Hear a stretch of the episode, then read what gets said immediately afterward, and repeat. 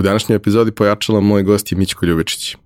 Pričali smo o gotovo 40 godina njegove karijere i o tome kako kada ne možeš da se odlučiš čime baš tačno hoćeš da se baviš, ali znaš da voliš mnoge stvari, možda možeš da se opredeliš i za to da ceo život radiš te stvari koje voliš.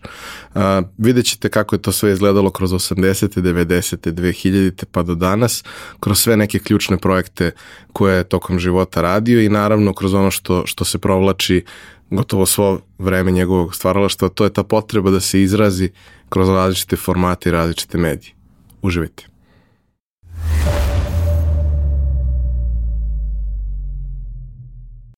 Realizaciju ove epizode podržala je kompanija Epson, koja je vodeći proizvođač projektora i štampača za sve namene, od kućne i kancelarijske upotrebe do profesionalnih uređaja koji se koriste od maloprodaje do industrijske proizvodnje. Već 20 godina u nizu proizvode najbolje projektore na svetu, a prvi štampač napravili su pre više od 50 godina. I dan danas svaki godin ulože preko pola milijarde dolara u istraživanje i razvoj novih proizvoda sa fokusom na održivo poslovanje i očuvanje životne sredine. Upravo zahvaljujući tome, njihovi inkjet uređaj najnovije generacije prave 94% manje zagađenja od konkurencije uz maksimalan kvalitet otiska. I vaš mobilni telefon koji sada nosite i na kome nas možda slušate i gledate, najverovatnije je napravio robot koji je stigao iz Epsonove fabrike. Roboti su super. Japanski roboti pogotovo.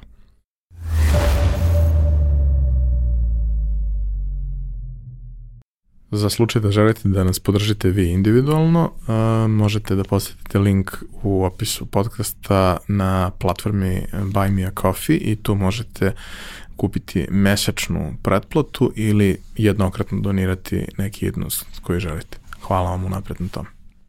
Uh, 140 i neku epizodu kasnije mogu da kažem da, da, da imam neverovatnu čast, privilegiju i zadovoljstvo da uh, ugostim čoveka koji me oduševljavao od trenutka kada sam se prvi put zainteresovao za medije, marketing i sve ostalo, koji je jedan od onih koji su me motivisali da krenem tim putem i da pronađem sebe negde u toj komunikaciji, iako mi nikad nije išlo od ruke, imao sam dosta dobru motivaciju i dosta dobre učitelje, iako oni to nisu znali.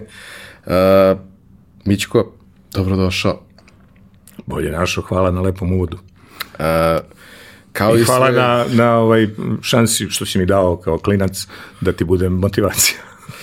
pa znaš šta, znaš, sećaš se kakvo je to vreme bilo i svaka prilika da te neko da, da. nasmeje, a vi ste to radili kroz mnogi formate, mislim, meni su i dalje najomiljeniji bili formati reklama koje ste radili, koje su bile genijalne.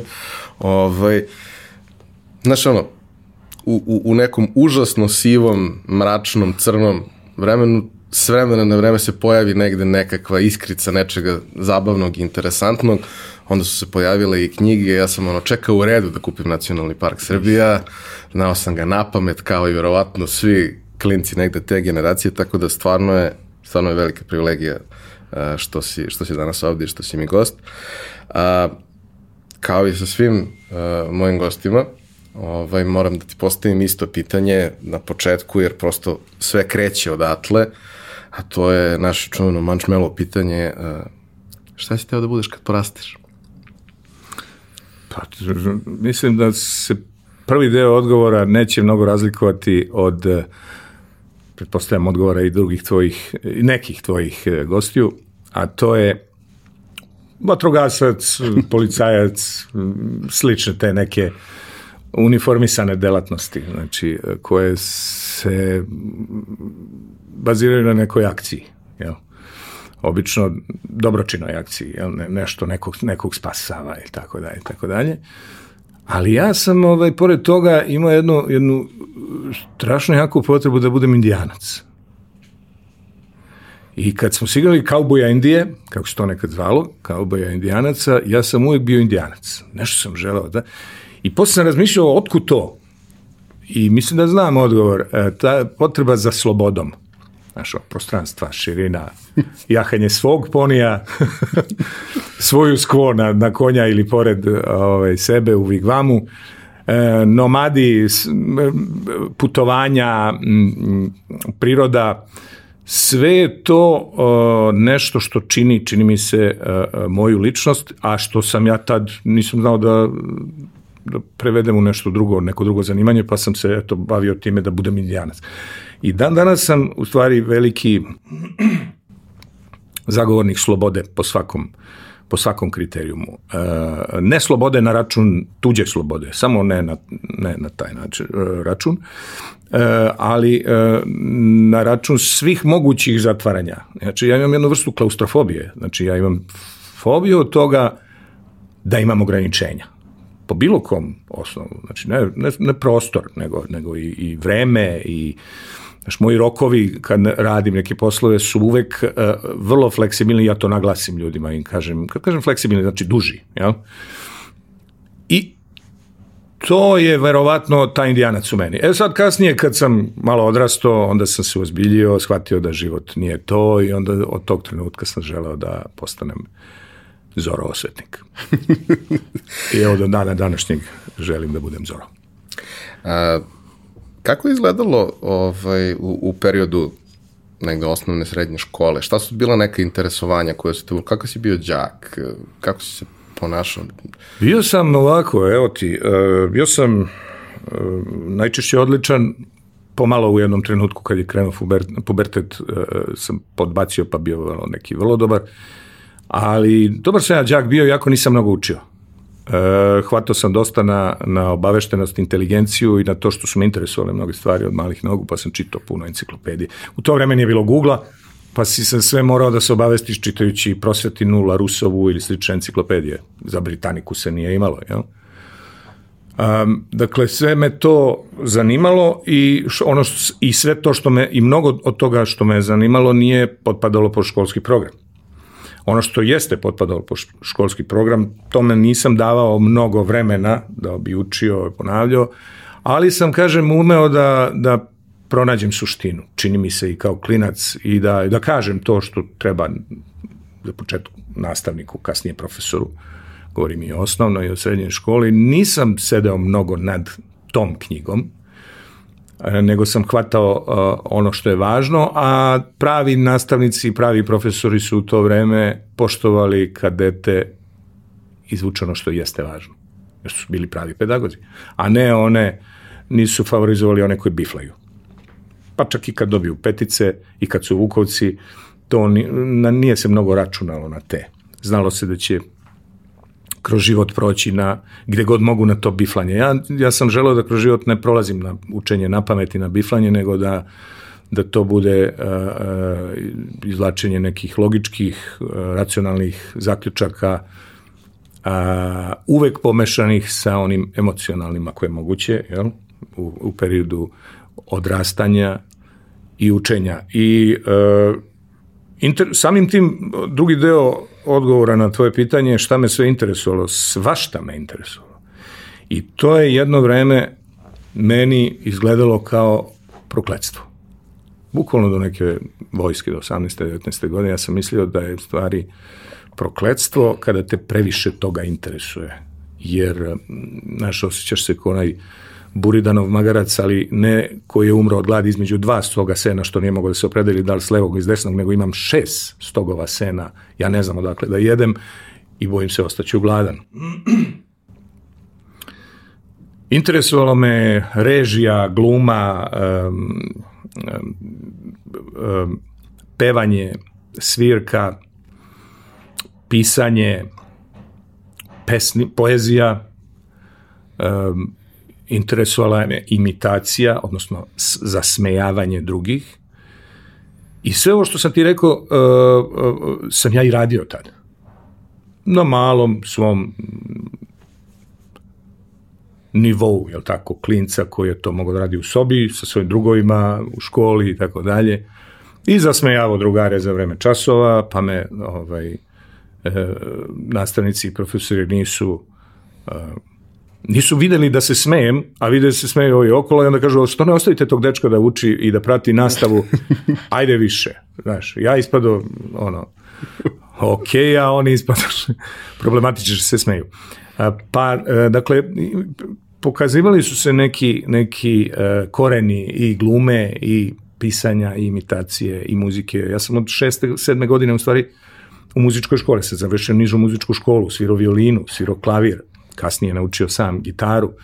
Hoću kažem, meni je muzika recimo mnogo više u životu predstavljala nego što i predstavlja dan danas, nego što ljudi to znaju.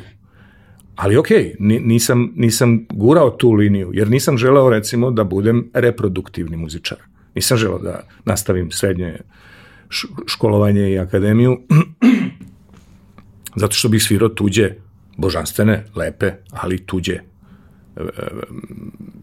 e, pes, ne pesme, nego jeli, kompozicije. tuđe kompozicije, tuđe, tuđe, tuđa dela autorska, koja ja volim da slušam, ali ne volim po svaku cenu da sviram, a kamoli ne volim da toliko vežbam i da se time zarobim, vraćamo se na klaustrofobiju.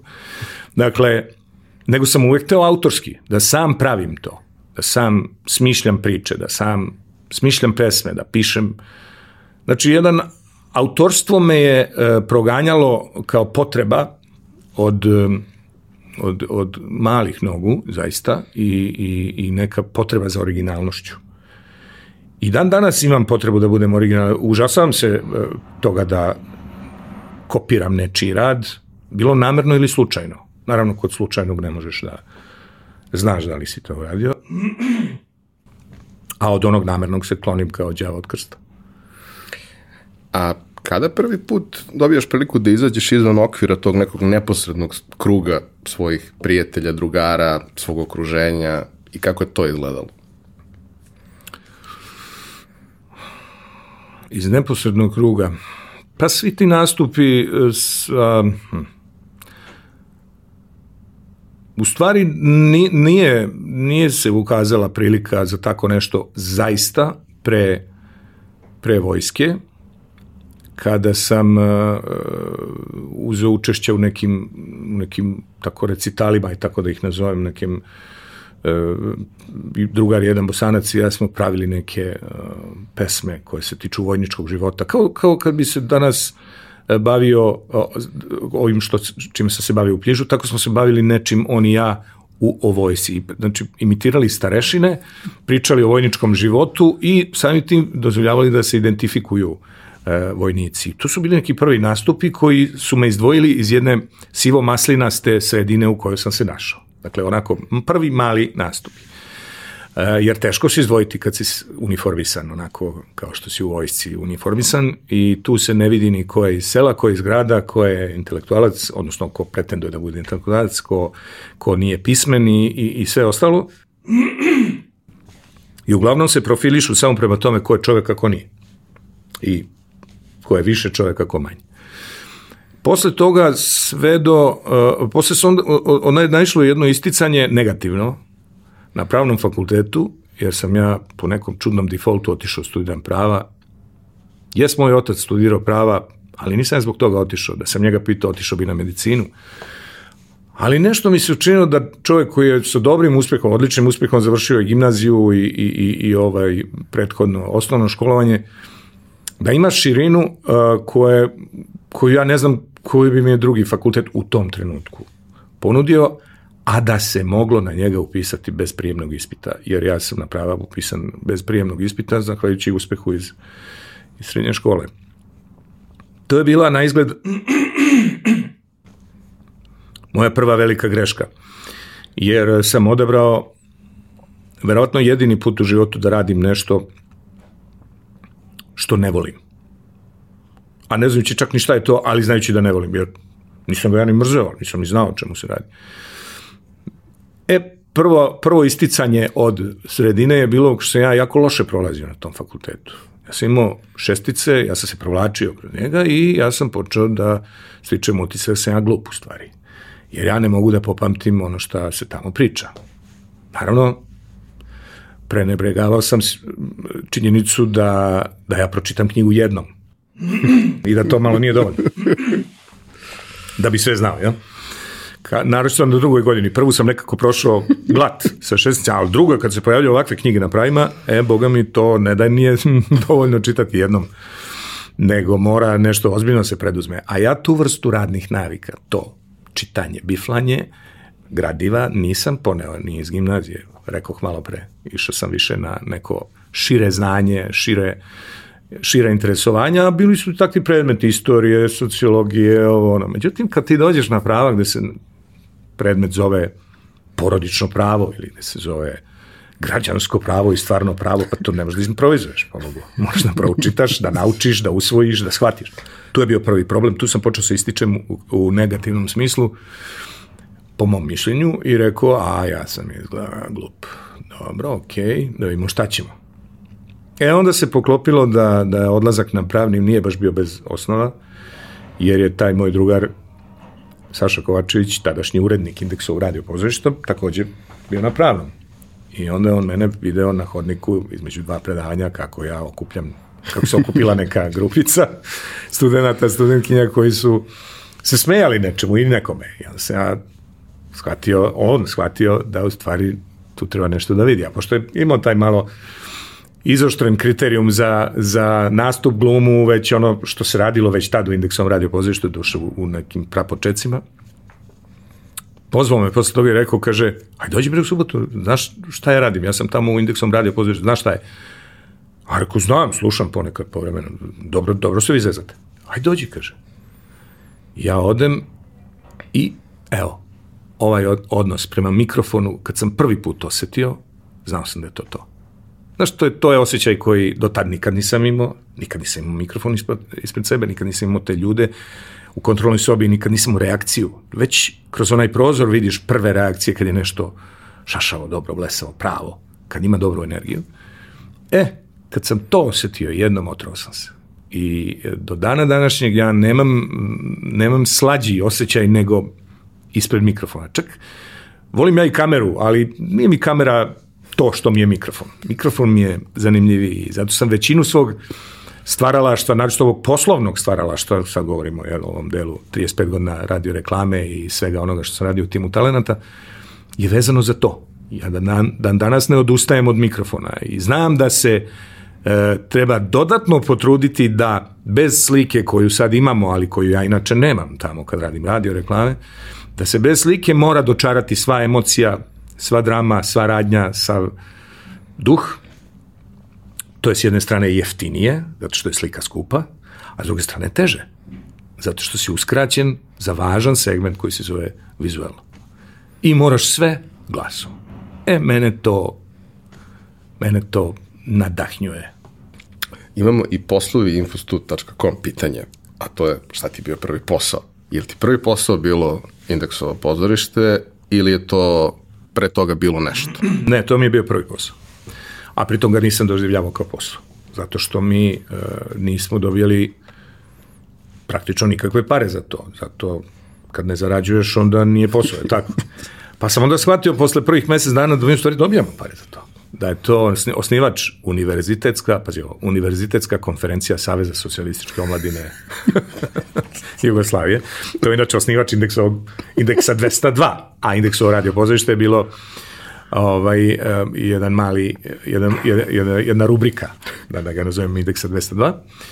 I dakle, taj UKSSOI, tako zvani, znači komunistička, je tako, partijska organizacija, je nama plaćala. Ona je bila osnivač indeksa 202. E, talas Beograda 202 e, je bio korišćen samo kao e, emiter. Mi nismo bili vlasništvo Radio Beograda.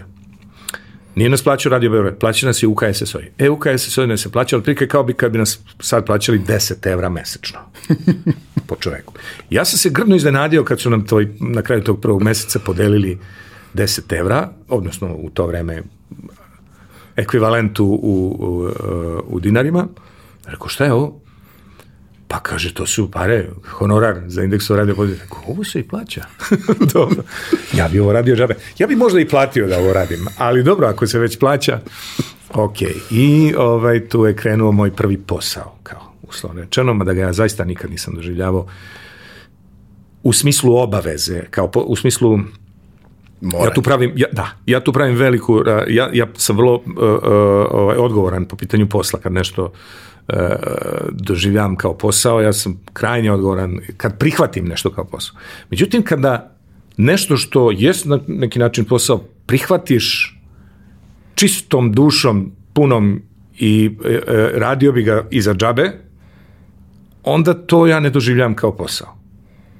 Sve do trenutka dok ne shvatiš da to nosi neku odgovornost pred društvenu odgovornost, a to smo vrlo brzo shvatili da nosi društvenu odgovornost, i onda shvatiš da moraš da malte ne pola koraka unazad da kaže čekaj, čekaj, čekaj, nije ovo baš samo igra.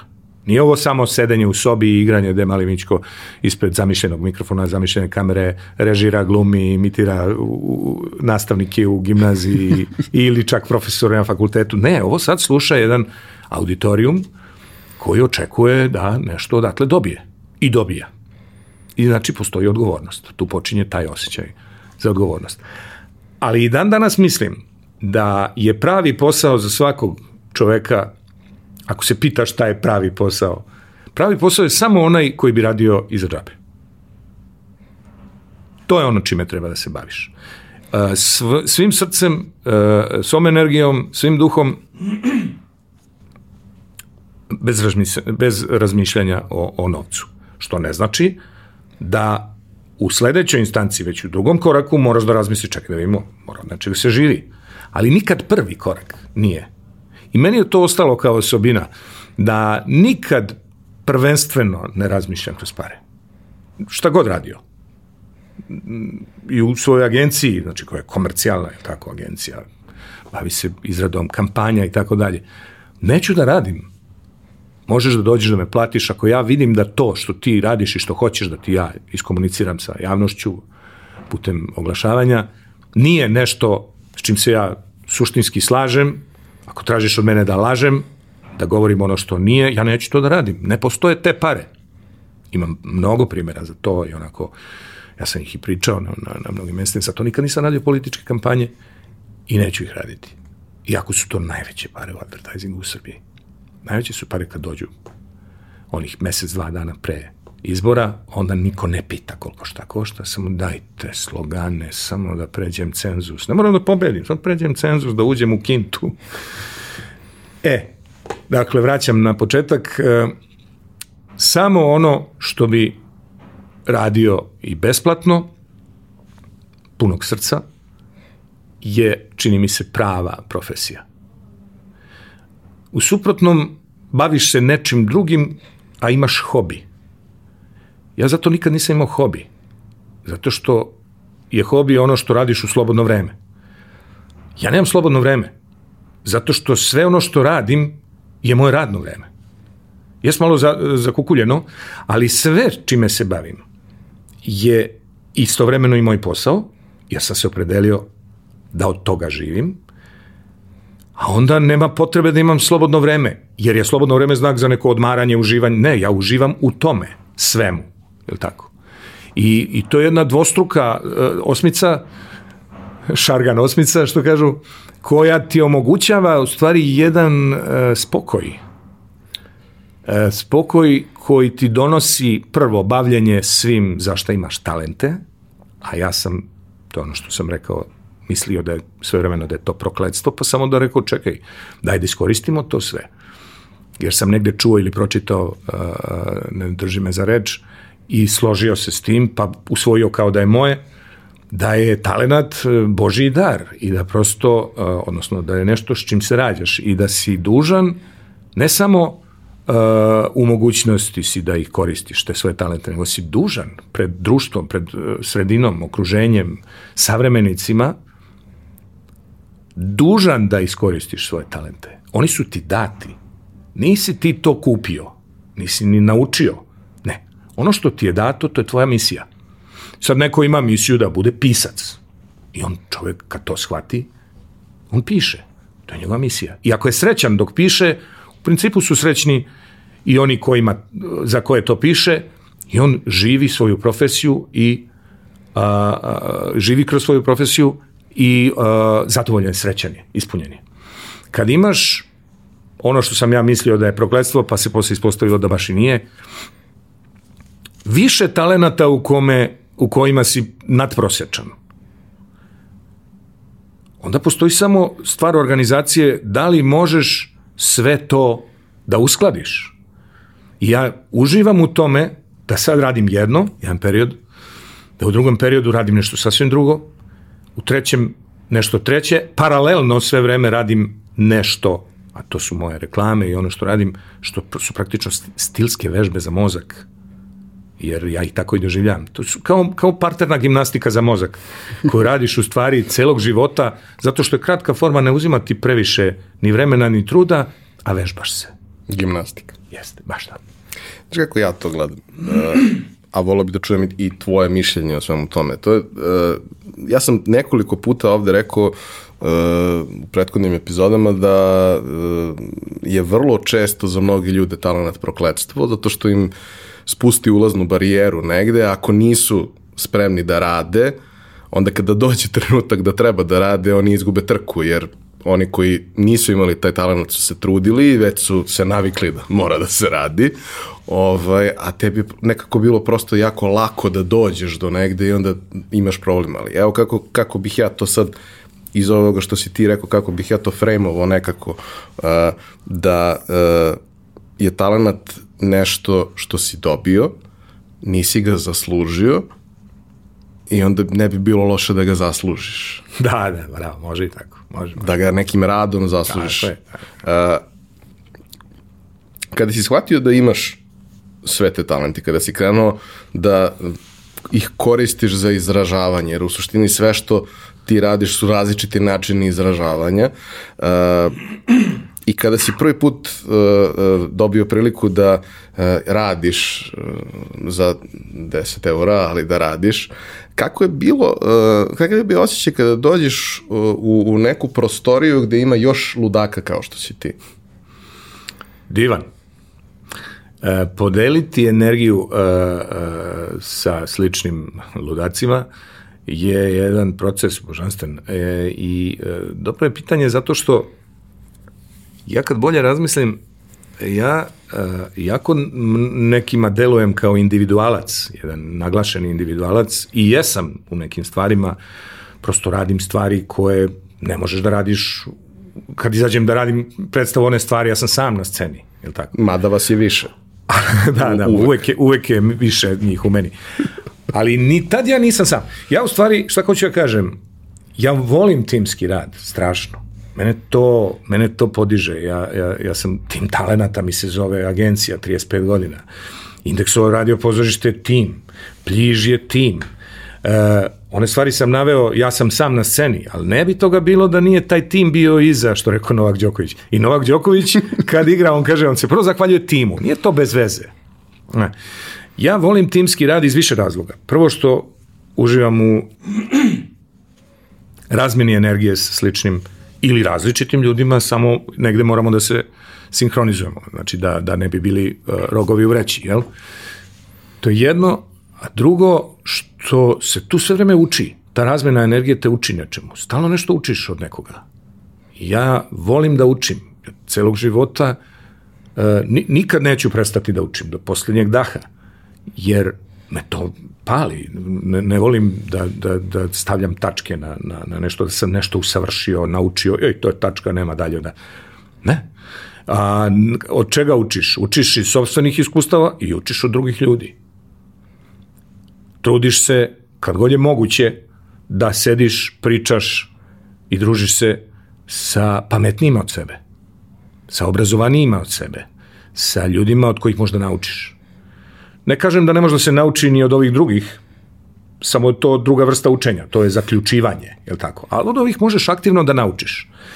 I a, bavljenje, to, a, ulaženje u prostoriju sa drugim ljudima od duha, ja, ajde tako da ih nazovem, da ih baš ne, ne znam ko će da, možda neki od njih slušaju pa da ne smatraju da ih smatram ludacima, ali u onom pozitivnom, pod navodnicima smislu kako si ti mislio, da, jer to jeste jedan, jedno ludilo duha u stvari, jedan, jedan, uh, jedan um, vrtlog u koji kad, uh, kad omirišeš, kad uđeš u to, otprilike kao ono ispred mikrofona, kad sam osetio šta sve može tu da se uradi, tako i kad sam počeo da igram svojim duhom.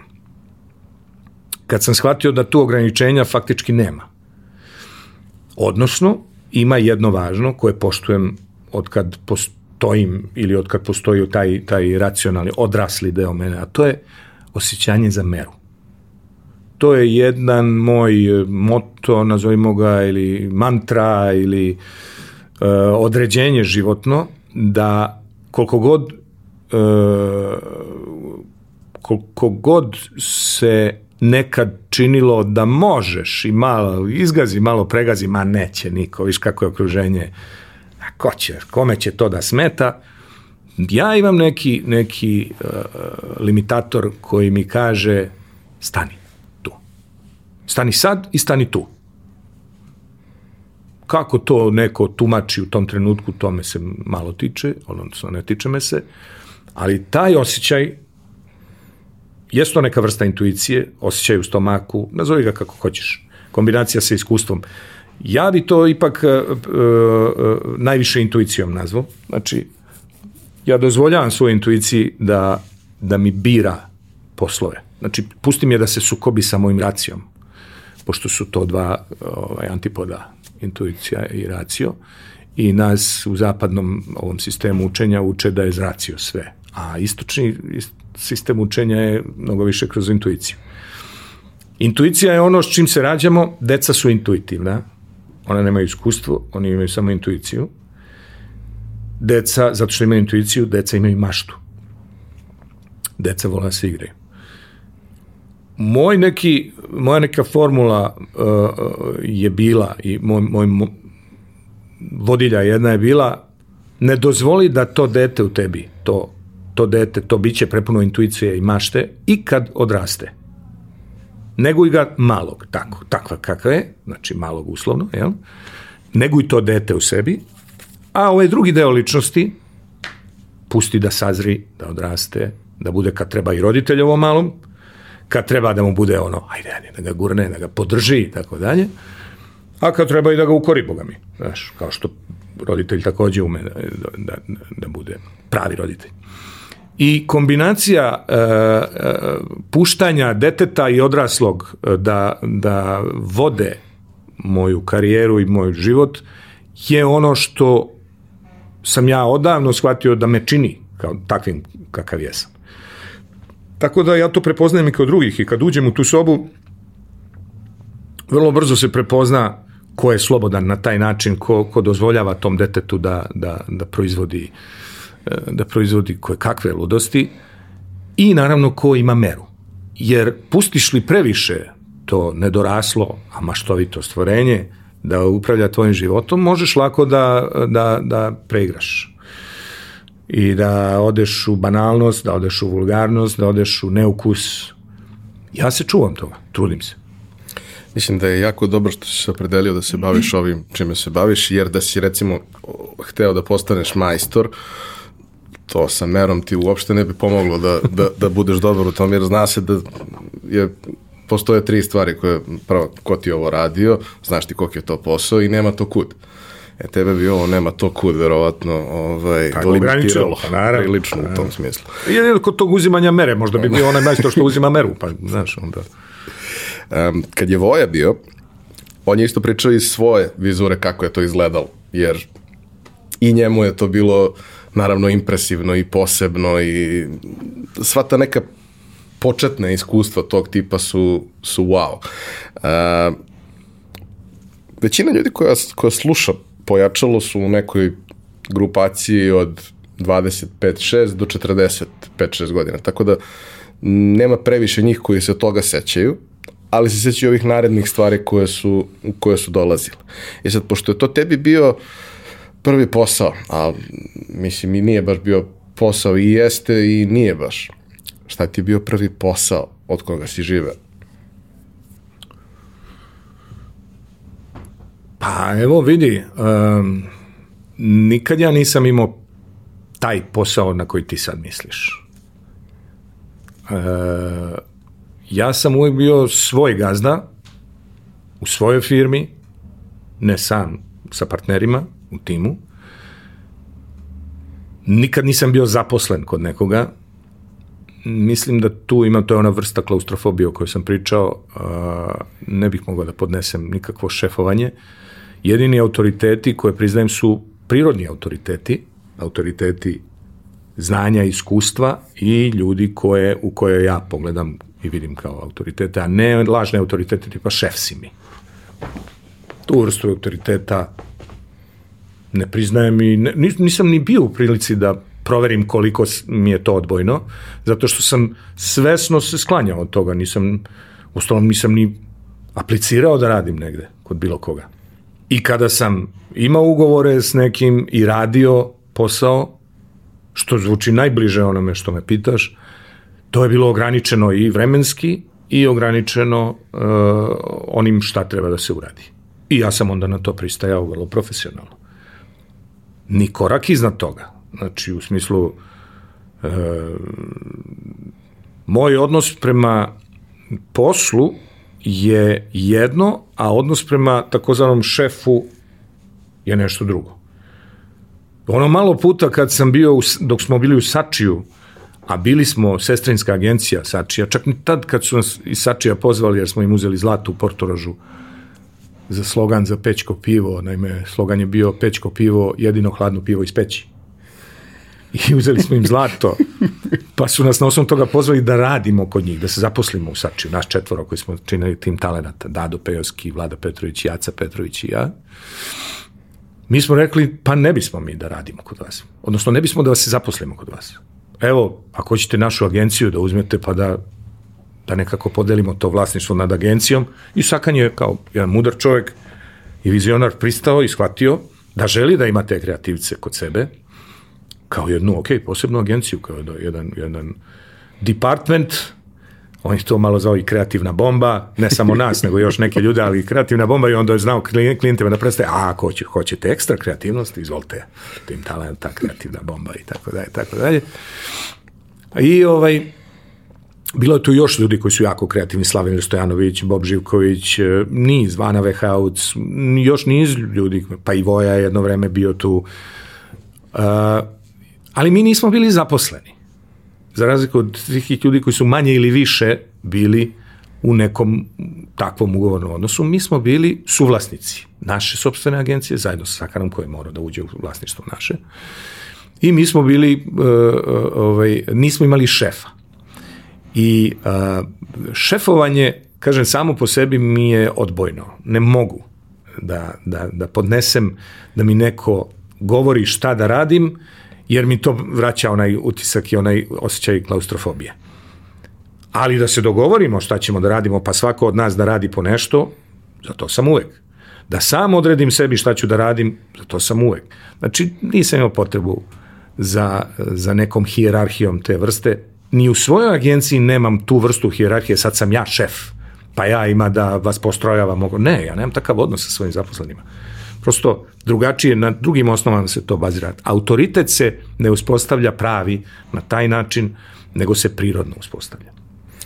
Zato sam te i pitao uh, za prvi posao, to ne mora da bude da si radio kod nekog, nego da si odlučio da Pa eto, kad je pokreneš. nastala agencija, ali, ali ni ta agencija tim talenata nije nastala kao preduzeće odmah, nego je nastala kao neformalna grupica ljudi koja je sporadično radila reklame jer smo svi bili se zatekli u Radio Beogradu 80-ih, prvoj polovini 80-ih, ja kao uh, u indeksom radio pozorištu, Vlada snimatelj bio, Dado radio mu, kao muzički saradnik, Jaca Vladina žena, ona nije, nije tad radila u radiju, uh, i mene drugarica, moja Dragana Marković pozvala, kaže imaš lep glas i dikciju, aj dođi da čitaš reklame. Ja sam otišao da čitam reklame, da budem spiker. Za honorar, ono, po reklami su to računalo.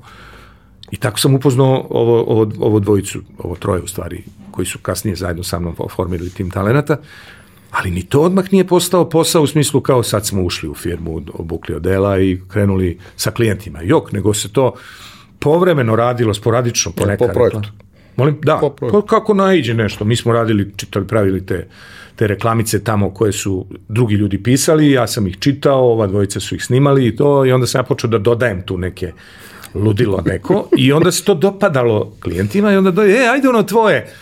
I tu ja stanem, udarim, e, e, ovaj, stanem na kočicu, rekao, ček, ček, ček, ček, znači, ovo vidiš, ljudi dolaze i traže baš ono. A ja to isto naplaćujem kao što sam naplaćivao i ove obične čitanja tuđih reklama. Pa ne, čekaj, tu ćemo da stanemo. I tu stanemo i kažemo, ajde mi da oformimo taj neki naš tim koji će raditi te kreativne reklame po drugim uslovima kao sobstveni biznis. Ali ni to nije bio taj klasičan početak. 7-8 godina kasnije smo mi osnovali preduzeće tim talenata, jer smo već bili u Sačiju, mogla su posle 90-ih da se prave ta prijatna preduzeća, preduzeća DO, društva sa ograničenom odgovornošću, koja, i mi smo bili preduzeći, ništa se nije promenilo u tom preduzeću, sem što smo dobili račun, ušli u, u porezki sistem, što se kaže, tad nije bilo PDV-a još, nego se račun porez na promet, onaj lečan. Ovaj, um, I nije se ništa tu promenilo, opet je to bila grupa četvora ljudi koji su radili posao. Dakle, ja nemam taj trenutak kad sam ja počeo da radim, a do juče nisam radio. Ja radim onako u kontinuitetu tih, eto, sigurno 35-6 godina od kad sam zakoračio u Radio Beograd, ja sam shvatio da se ja počeo da radim. I nije slučajno što moje osiguranje, ono što se kaže penziono osiguranje, datira od 1. jula 1983. godine. Znači, evo, 40 godina za, za, za dve godine, jer ja sam zaista 1. jula krenuo, te 83. do duše, ne na radiju, nego sam krenuo ovaj, muzički kroz uh, grupa, grupa Petar iz Livuci, i Kapitan Belcanto, posle još neke male, male neki eksperimenti s muzikom, dok me nije ščepalo indeksovo pozorište, ja sam bio prvo u toj muzici i kada je izašla ta, ne znam, prva ploča, bio sam i još uvek sam član udruženja muzičara džeza i zabavne muzike i uspeo sam da svoj staž regulišem preko tog udruženja. Dakle, kad bi se po papirima gledalo, 1. jula 83. je trenutak kad se ja počeo da radim.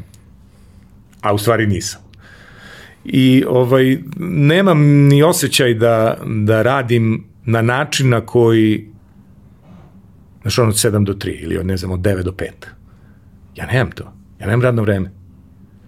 Ja i kad ostanem kod kuće, ja nisam ostao kod kuće da, da ne radim, nego sam ostao da radim nešto drugo u odnosu na ono što bi radio da sam otišao u agenciju. Nekad mi treba mir, ja, e, e, kad, kad smišljam stvari, kad stvaram, često imam potrebu da neku fazu obavim sam. Koliko god volim da radim u timu i koliko god mislim da u jednom trenutku treba da ili da se uključi tim ili da se ja isključim iz tima pa da odradim nešto sam. Obe su legitimne varijante i obe koristim, ali e, kaže mi kad ostanem kod kuće ceo dan, e, to nije ostajanje kod kuće da se zavališ, da legneš pa da E, ništa ne radiš. Ne, uvek, uvek imam nešto da radim, zato što mnogo, mnogo interesovanja i mnogo tih darova koje, mi je, koje, koje su mi data, koji su mi dati, i onda ovaj, me mnogo toga interesuje. Ja, ja imam problem da odredim možda nekad šta je šta pre da radim. I zato mene ispunjava kad mogu, kao što sam mogu u pljižu, ili kao što mogu reklami, da radim više stvari u jednom projektu.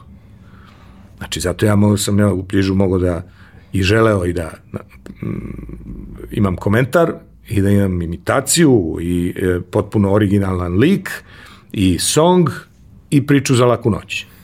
Znači, odjednom spojiš četiri, pet stvari u, u jednoj, e, i, i plus, znači, baviš se i humorom, baviš se i satirom, imam i tu socijalnu komponentu, odnosno socijalnu angažovanost, društvenu, koja me ispunjava i koju imam potrebu da imam od, od kad sam opet zakoračio i se radio pozorište, da imam potrebu da ne non stop i ne po svakom pitanju, nego kad meni dođe. Kad imam potrebu, e, to se nekad poklapalo u vrlo opasnim momentima, nekad se poklapalo u mirnodopskim momentima, uvek prema i najčešće prema aktuelnim vlastima, što i jes najopasnije, Lako je sprdati se sad sa Slobodom Miloševićem ili s Titom, mislim, unazad, kad ih nema. Dede Tito radi onda kad su bili živi. Ja sam Tita imitirao u gimnaziji kad je bio živ. Naravno, za svoj ovaj, drugoj u razredu i to je bilo kako beže. Tako da, to me uvijek motivisalo. Nikad neću da zaboravim, bili smo, bio sam klimac tad, ali e, bila je ta neka kultna priča o tome kako kada Mićka pozoveš na fiksni telefon javi se sekretarica, javi se nekoliko različitih likova. To je bilo slavno. Ne, ja sam menjao sekretarice i ovaj, uh, izazov je bio da u 20 ja ne znam sad koliko, 20 sekundi ili 30, uh, e, šta može da se sve napakuje. Dotle to je išlo da me pokojni Mića Minimax zvao i uh, da me pita, daj, kaže, da, daj neku, ti, ti, to, šta je to, to ludilo, to tvoje, šta to radiš? Rekom, dosadno mi da mi stalno bude ista sekretarica ovde. I onda u jednom trenutku, jedna, sećam se jedne, mnoge su bile. Jedna bila s Titovim glasom, druga sa Slobinim, jedan počinje, Slobinim, počinje tako što kad ti se e, zvoni ti telefon, pa se uključi moja sekretarica, čuje se usisivač. I čuješ neka Miro, ja ću. Sloba koji usisava i kaže Miri da će se on javiti i onda kaže nešto kao Sloba, u to vreme jako po, i na kraju kaže Radomane, idemo dalje. nastavlja da usisava. I to sve stane u 30 sekundi. To je bio ozbiljan izazov. Znaš, to snimiti, pa pazi taj trud.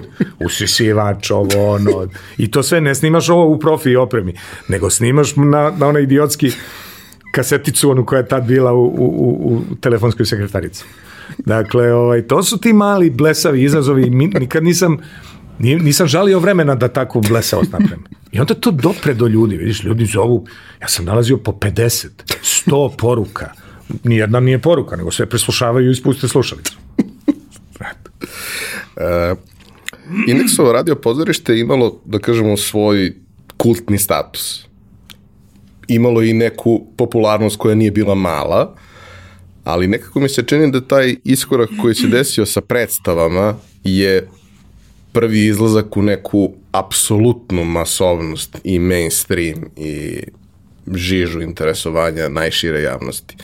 A, opet kažem, Voja kad je bio ispričao kako je to izgledalo iz njegovog ugla, ali volio bih da čujem negde i tvoj ugao, zato što si ti tu bio frontman i nosio uloge koje su imale najveću težinu, težinu. u tom trenutku.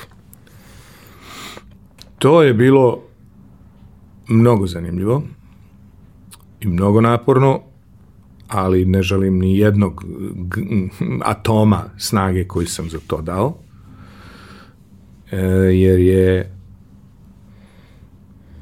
taj odziv publike, to kad te jednom, ta scena, kad te to uhvati, opet da kažem, otruje, teško se s toga skidaš. Znaš, ti prvi put tada suštinski na velikoj sceni imaš feedback velike količine ljudi u realnom vremenu. Neverovatne količine ljudi. To su, to su uh, po 15, 20, 25 domova sindikata prodatih. Tada je dom sindikata bio 50% veći nego sad, imao je 1750 ljudi, sad ima 1250, znači 500 ljudi više još sedalo. To je bilo krcato i ta masa kada kao jedan organizam kaže to je neopisiv osjećaj. I kogod je to osetio, bio na sceni ili uh, bio na sceni pozorišnoj, pritom to nije pozorište.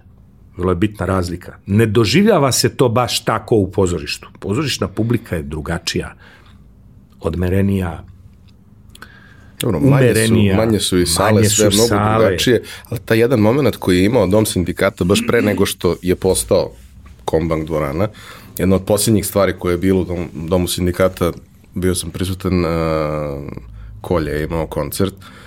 Bio sam ja. Akustičnost onog prostora i kako je to sve izgledalo i zvučilo je potpuno bilo neverovatno. To je čudesna dvorana, napravljena u vreme kada, kada su ljudi znali šta rade i pravili su je multifunkcionalna, znači i, i pozorišna, i bioskopska, i koncertna, i kako god hoćeš, i kongresna. E, tako da nosila je, nikad ona nije ni pretendovala da bude pozorišna pre svega, zato su neki možda malo sa sa jednim izrazom lica i, i u glasu, jednom, jednom notom uh, malo pocenjivanja posmatrali dom sindikata, najčešće su to bili oni koji nikad nisu mogli da napune dom sindikata. A ti kad pogledaš istorijski ko je sve bio tu, ko je pevao, svirao, glumio, kakve su se stvari tu videli, to je fascinantno, zaista. I napuniti i jedan taj dom sindikata, da, da ljudi dođu da vide to što ti, vi, kogod radite i da se vrate još toliki broj puta, pa još svake godine tako, odnosno sa svakom sezonom, to je jedna, jedna navika, jedan, jedna adikcija i uh, ti, ti onda odeš u ove druge uh, gradove, u druga mesta, ima tamo divnih prostora, divnih sala divnih domova kultura, to je ta, ta zaostavština Titovog vremena što je, što je svako selo ima dom, dom kulture i vrlo pristojne multifunkcionalne dvoranice. A, ali kad se opet vratiš u onaj dom sindikata, pošto mu dođe svako malo vreme, prodamo još po jedan pa se vratimo tamo, kao da si izašao, mislim, pred okean reakcije. Nije to, ovo su potočići i rečice, ali ovo je okean. I neverovatan je taj, e, to, dobaciti do poslednjeg reda doma sindikata gore na, na balkonu, do poslednjeg reda dobaciti. E, nije slučajno što mora da se koristi mikrofon. Zato to pozorište zato pozorištu ne treba mikrofon, zato što u pravom pozorištu koje je manje i napravljeno drugačije, sva publika u svakom trenutku sve čuje i vidi facu glumca. I tebi ne treba mikrofon jer je to akustično i jer je to dovoljno malo. U domu sindikata ti ne možeš to sebi da dozvoliš. Da će da te vide i čuju. Kad si ti tačkica od ozgo sa balkona. Istovremeno, Sava centar koji je duplo veći od e, doma sindikata i koji je bio božanstvena e, dvorana za bioskopska dvorana i koncertna, kažem koncertna, specifični vrsti, vrsta koncerata, ne oni mali intimni, to ne. E, ne, tu tek ne možeš da dobaciš. I mi smo imali ponude da nastupamo u, u Sava centru, iako bi nam to uštedelo duplo trud, jer je duplo veća sala, mi to nismo radili. Jer za razliku od koncerata, ovde je mimika važna, a mi mimiku e, ne možemo da negujemo na tako velikoj sceni ispred toliko. I ovo je bila granica. I dom sindikata je bilo onako Znači, sam ja morao nosim ovoliku glavuđu Miloševićevu, da se i od ozgo vidi, jer ti od ozgo kad vidiš tu glavuđu, ti vidiš Miloševića. Ne, nebitno je da li ja i pričam njegovim glasom. Ja sam uh, eksperimentisao, pa sam posle 10-15 minuta prestanem da imitiram slobu. Pričam skoro svojim glasom. Niko to ne primeti. Ja si im dao impuls, rekao si im, ovo je Milošević. I oni kažu, ok, Milošević, verujem ti sve. Arhivirao je on to. Sve. Uh, Voja je tad pričao e, koliko je on osjećao tu neku ovaj, um, nije to strah, ali to je neka trema uh, od trenutka kada predstava krene do trenutka dok se prolomi prvi, prva reakcija i kako je on obično šetao ispred čekajući kad će da je čuje i kad je čuje onda je sve ok, onda Nikad može da nije bio vrati. u publici, nikad, neverovatno. Koliko on imao tu vrstu treme neuporedivo veću nego mi koji smo izlazili na scenu.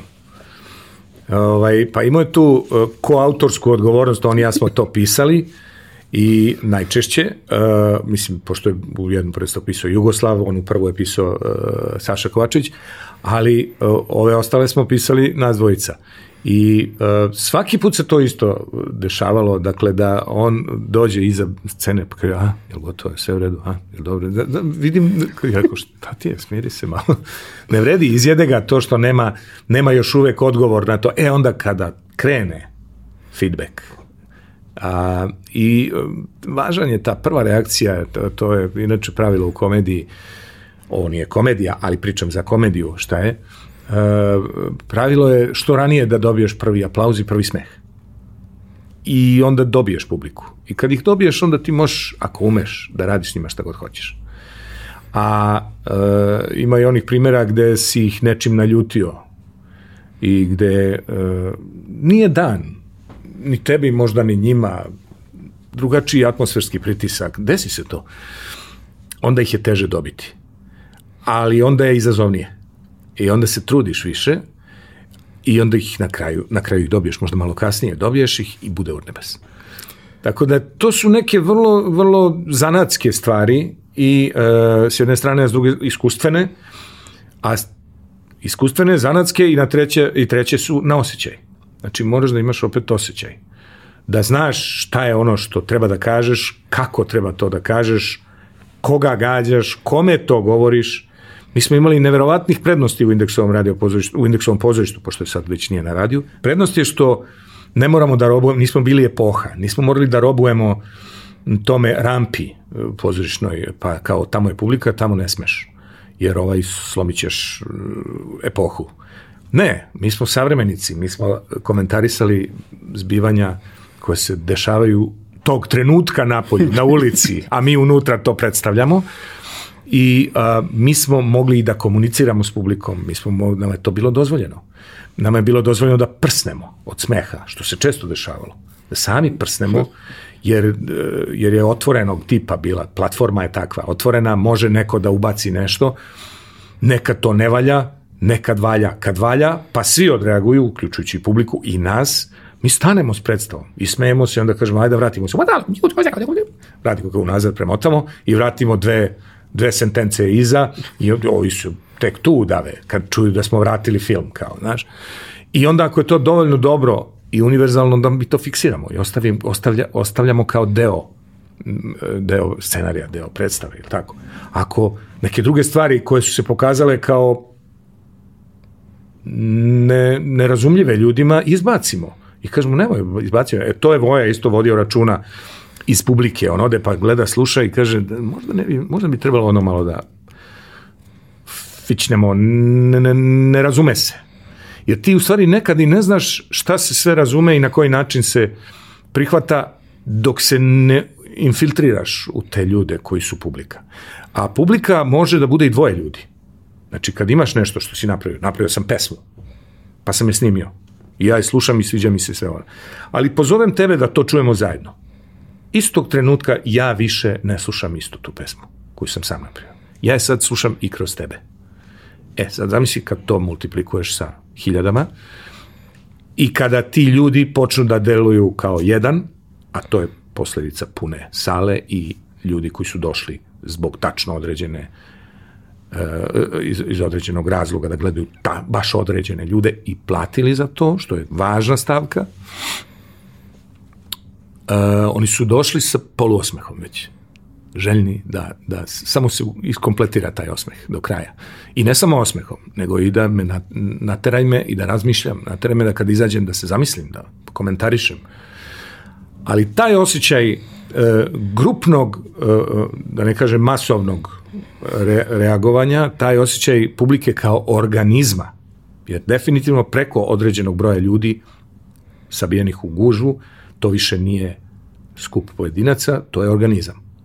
To znaju i ovi svi koji e, poznaju mase od policije pa nadalje i oni znaju kako se masama upravlja. Kad masa prestaje da bude e, e, kontrolisana i kad je ne možeš kontrolisati, kada se može kontrolisati, kako se masa razbija, da ne bi bila tako kompaktna i da ne bi zgazila sve pred sobom, kao marabunta mravi, E, I isto tako, znači mi sad ovde kad je publika u pitanju ispred nas, mi to koristimo na onaj pozitivan način. Znači gledamo kako da izvučemo, kako da im ponudimo nešto što će izazvati reakciju. Jer ta reakcija je gorivo za ove na sceni, za nas konkretno. Zato se, ja sam se najviše umarao kad sam radio predstavu Danas nam je divno dno sa Srđanom Ivanovićem, gde glumim sedam likova i gde se preslačim sa pauzama od tri minuta Ne znam da si gledao tu predstavu. E, uh, ja sam se jako umarao na probama. Dok smo pred praznom dvoranom samo reditelj, nas dvojica i, i, i organizator, dok smo to gledali kako i šta, postavljali to preslačenje, ovo ono, i ti, ti govor, te, te intervjui ti strašno te umaraju. Međutim, umor je prestao onog trenutka kada sam ja izašao pred publiku. Jer ja dobijam od njih energiju nazad.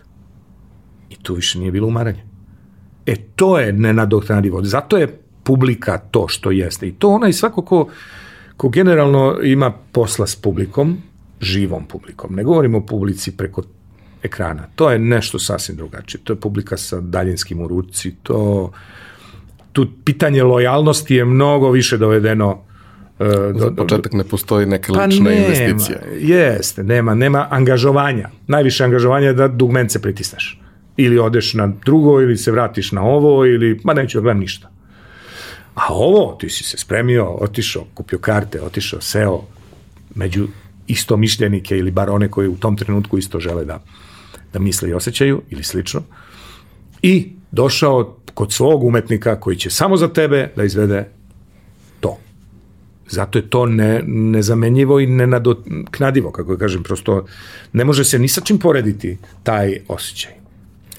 Uh, ono što bih isto volao negde da prokomentarišemo, iako se mi ovde ne bavimo komentarisanjem politike preterano, ali to jeste bilo vrlo teško vreme, a vi ste se bavili temama koje su bile vrlo aktuelne i ne baš prijatne za one koje ste obrađivali u svojim predstavama.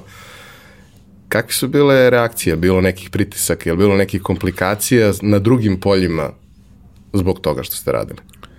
Najkraće ne. E, to je onako najkraći i najtačniji odgovor. E, a malo duži odgovor glasi da na jedan posredan način. Moja agencija nikad nije radila reklame, skoro nikad, skoro nikad nije radila reklame za neke državne institucije, za neke javna preduzeća i tako dalje, zato što smo bili na crnoj listi. Jer sam se ja bavio onim drugim delom, satiričnim delom sebe a, i naše stvarnosti. I druga stvar je pojavljivanje na javnom servisu, na tadašnjem televizija Beograd, pa onda RTS, jel? Isto uh, blacklistovanje, isto uh, nešto što evo, nedavno sam pričao sa Bojanom Maljevićem uh, Montreal Pictures, Mata Člok i tako dalje, znamo čoveka, producenta uh, ozbiljnih stvari, između ostalog producenta jedna od najzanimljivih kultnih serija Otvorena vrata u kojoj sam između ostalih i u jednoj epizodi ja učestvovao, ljudi to su ili zaboravili, možda i ne znaju, jer sam bio vrlo skriven. I to je, sticam okolnosti, jedna od epizoda koja je zbog nečega posebno bila kultna, ja ne znam tačno zbog čega, jer ne sjećam se zašto, Rtači iz Kićblona, tako se zove. Da, da. I ja sam doglumio nekog političara koji za šeš, sa šeširom, kišobranom i dvojicom grmalja koji su ispred, možda si vidi, možda se sećaš toga? Sećam se. Glumim, udvaram se na vratima ovoj, uh, uh, Vesni Trivalić, uh, ni njoj nije jasno šta se tu dešava, ja se skoro i ne vidim, vide mi se oči samo u jednom trenutku i krijem se uspešno. I evo, nema 15 dana kako se sa Bojanom sedeli i pričali, uh, pita me za nešto da, da, da sarađujemo, ovaj, i kažem mu, ja, ja mu pričam kako mene ne treba zvati ako hoćeš da radiš nešto na RTS-u ili nešto vezano na bilo koji način sa establishmentom. Sa držav... Jer bojim se da ćeš zbog mene trpeti da neće hteti da ti prihvate projekat. Šta će ti to u životu onda? Ja mogu na United Mediji da radim, jel? Ali ne mogu da budem na RTS-u. Odnosno, to što bi oni meni dali da radim na RTS-u nije ono što ja želim da radim. Jel tako?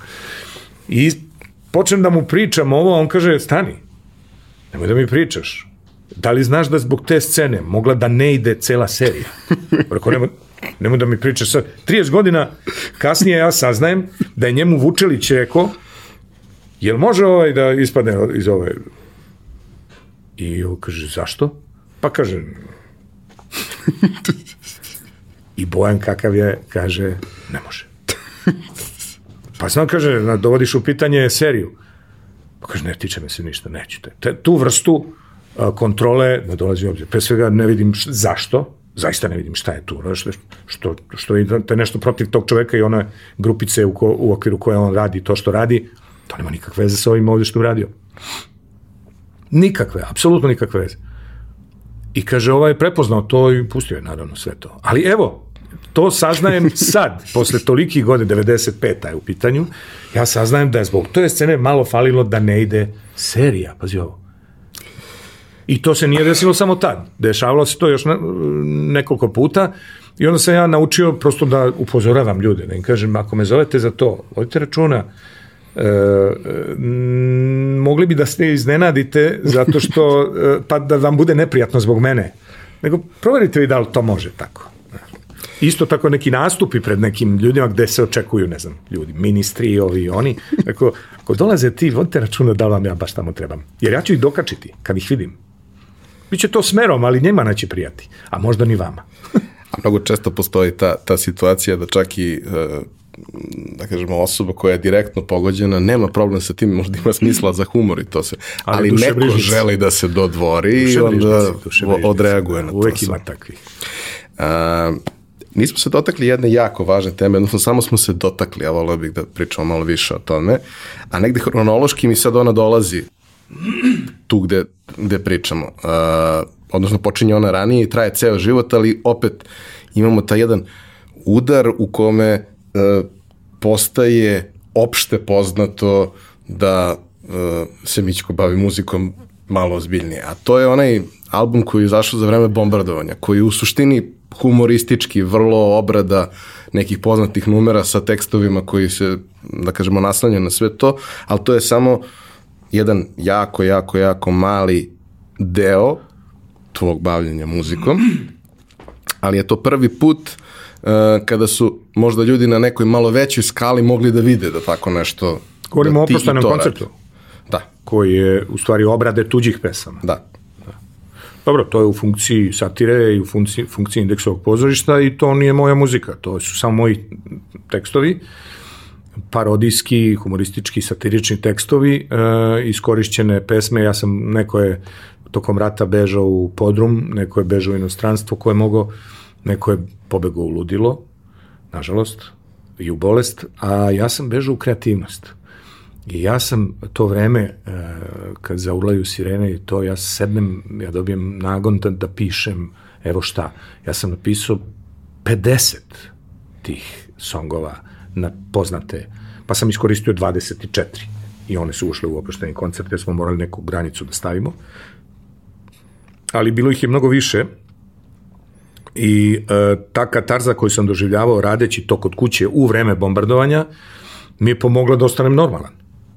I generalno e, taj deo mog života posla koji nije muzika nego je indeksovo pozorište mi je mnogo puta omogućio i pomogao i pomagao da ostanem normalan, ne samo meni nego i onima s kojima sam radio, ali i publici koja to dolazila da gleda i oni su to priznavali. Vraćamo se na muziku. E, taj segment je zanimljiv, da, samo to nije ta muzika o kojoj ti htio da pričaš. Slažem se. Ali je e,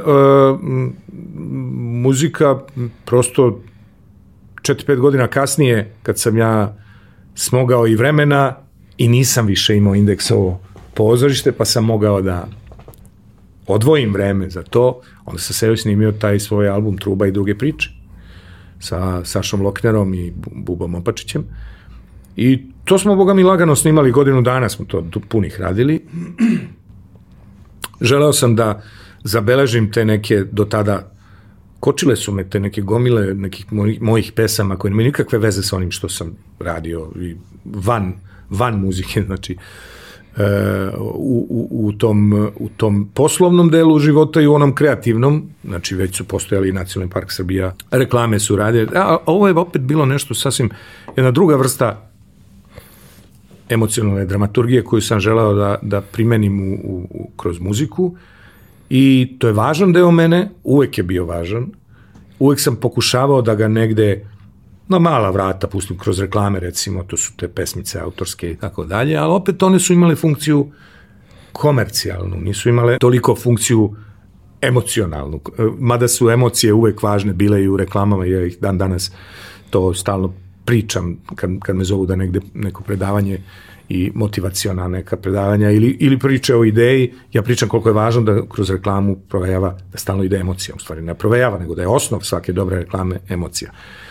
Da reklama uopšte ne mora da bude suv, informativni proizvod. Na, naprotiv, ja, ga, ja volim da ga oplemenim sa emocijom. E, u muzici sam mogao da pružim i želeo da pružim onu vrstu emocije koju ne mogu ni kroz indeks, ni kroz reklame, ni kroz knjigu, ni kroz ceo taj svoj duhoviti deo. Budiš malo ozbiljan. Jeste. Ozbiljan, pa nisam dugo do tad sebi hteo da priznam i romantičan. E, zato što sam bežao nešto od toga. Nešto je bilo to, nije mi bilo cool dovoljno da budem romantičan, kao što to su kao I love you, you love me, znaš, ono, pesmice i tako dalje. Pa sam razmišljao da li ja to da radim, da li će neko pogrešno to da shvati, mislim, govorim do tad, kroz, te 90. Naravno kad mi, do mi se to kroz 90. nije ni radilo. Jer sam bio opterećen ovim drugim stvarima, ratovima, sankcijama, kome je bilo do tralala pesmica. Ali ovo su bile 2000. One su počele drugačije, izgledalo još je bilo nekakve šanse da će se nešto tu sistemski promeniti I ostavilo mi je prostor, izašao sam e, iz obaveze indeksovog pozorišta, neko vreme sam se odmarao od, od, tih, od te decenije putovanja, satire i tako dalje, tako dalje. Još nisam počeo da radim po Zovi M, to ću početi tek posle toga. I u tom jednom interregnumu od nekoliko godina ja sam rekao, evo ga pravi trenutak da malo dam sebi oduška kroz muziku. I ne smeta mi da ima tu i romantičnog dela mene i onog refleksivnog, programskog, razmišljajućeg o životu, jer me to uvek pobuđivalo i danas me pobuđuje kada, kada pravim muziku. Ali kažem, pustio sam sebe i da, i da bez ikakvog osvrta i bez potrebe da da skupim neku veliku e, publiku na to, bez ikakve potrebe da što pre požurim da napunim dom sindikata ljudima koji dolaze, jok, ja to nikad nisam uradio, iako sam dobio ponude. Ali nisam, zato što nisam osetio da je zrelo za tako nešto, nisam osetio ni potrebu. Više sam se koncentrisao na to da, da to bude dobar proizvod, da, da pažljivo sam sastavljao te tekstove, vrlo sam vodio računa da ne bude ništa banalno u tome, da, da, da ima, da bude dobro promišljeno, dobro zanatski urađeno i naravno muzički deo koji mi je bio važan, za koji sam angažovao, govorim o aranžmanima i o produkciji, angažovao ljude koji su bolji mnogo od, od mene u tome. I bio sam, i dan danas sam vrlo zadovoljan tom, tom tim mojim uh, albumom. Uh, njega nema u prodaji, ili bar nema zvanično, Uh, pošto imam neku malu sumnju da ga, da ga ovaj maskom prodaje uh, onako uh, vidim reklamira se a na sajtu sam video da se nudi ta ploča što je malo čudno jer mi nemamo ugovor za to. Ali dobro to je druga priča. I uh, nema tu pretenzije da postanem pevač da postanem muzičar iako ja jesam u mnogo čemu muzičar u duši. I, i po tome št, kako pristupam muzici i po tome što prosto sviram dva, tri instrumenta i po komponovanju i autorstvu i tako dalje, ali nije to moja, moja vokacija, nije, nije mi to potreba da se na taj način dokazujem, ali mi je potreba da se pokažem. Da se izraziš. Ne, da se izrazim, na bome. Dakle, postoji ta niša jedna koja ne može da se izrazi na drugi način nego kroz muziku. I ja tu nišu polako negujem kasnije i još jedan imam taj YouTube album isto Nebo drugi grad koji ima 15-16 pesama, evo i ove godine sam sad nedavno sam izbacio jednu By the way, bila je hit nedelje 202, što je slatko. Nisam to očekivao, ali hvala publici što je to. Bre. Jer ima jednu dobru, životnu, filozofsku priču, zove se Moj blues, moj jazz, moj soul. Jer, prosto kad već pričam o tome, jer je dobar primer za celu priču o muzici, a da nije onaj romantični deo, nego je ovaj drugi, koji me takođe zanima u muzici, u tekstovima, angažovani ili filozofski, aj tako da ga nazovem. Tu je, tu je sublimat e, moje, moje uh, životne teorije. Teorije o životu. Kroz sobstveni primer, ja tu kažem reči o meni, reči o tebi, reči o nama i kroz taj tekst ispričam u stvari moje viđenje šta je život. I da se meni čini da nema nema nama pojedinačno, individualno boljitka, a naravno onda ni grupno, ni kao narodu, ni ne, dok ne pronađemo i ne ispoštujemo taj blues, taj jazz, taj soul. Znači sve te aspekte samih sebe, unutrašnje pre svega, pronađi šta je taj tvoj izraz. Ja sam pronašao, čini mi se, i negujem to nisam dogurao do kraja i neću nikad, verovatno učim dok radim to, ali stičem iskustva, ali osjećam da je pravi put i guram taj put. Dakle, nađi šta je tvoj put, pa guraj.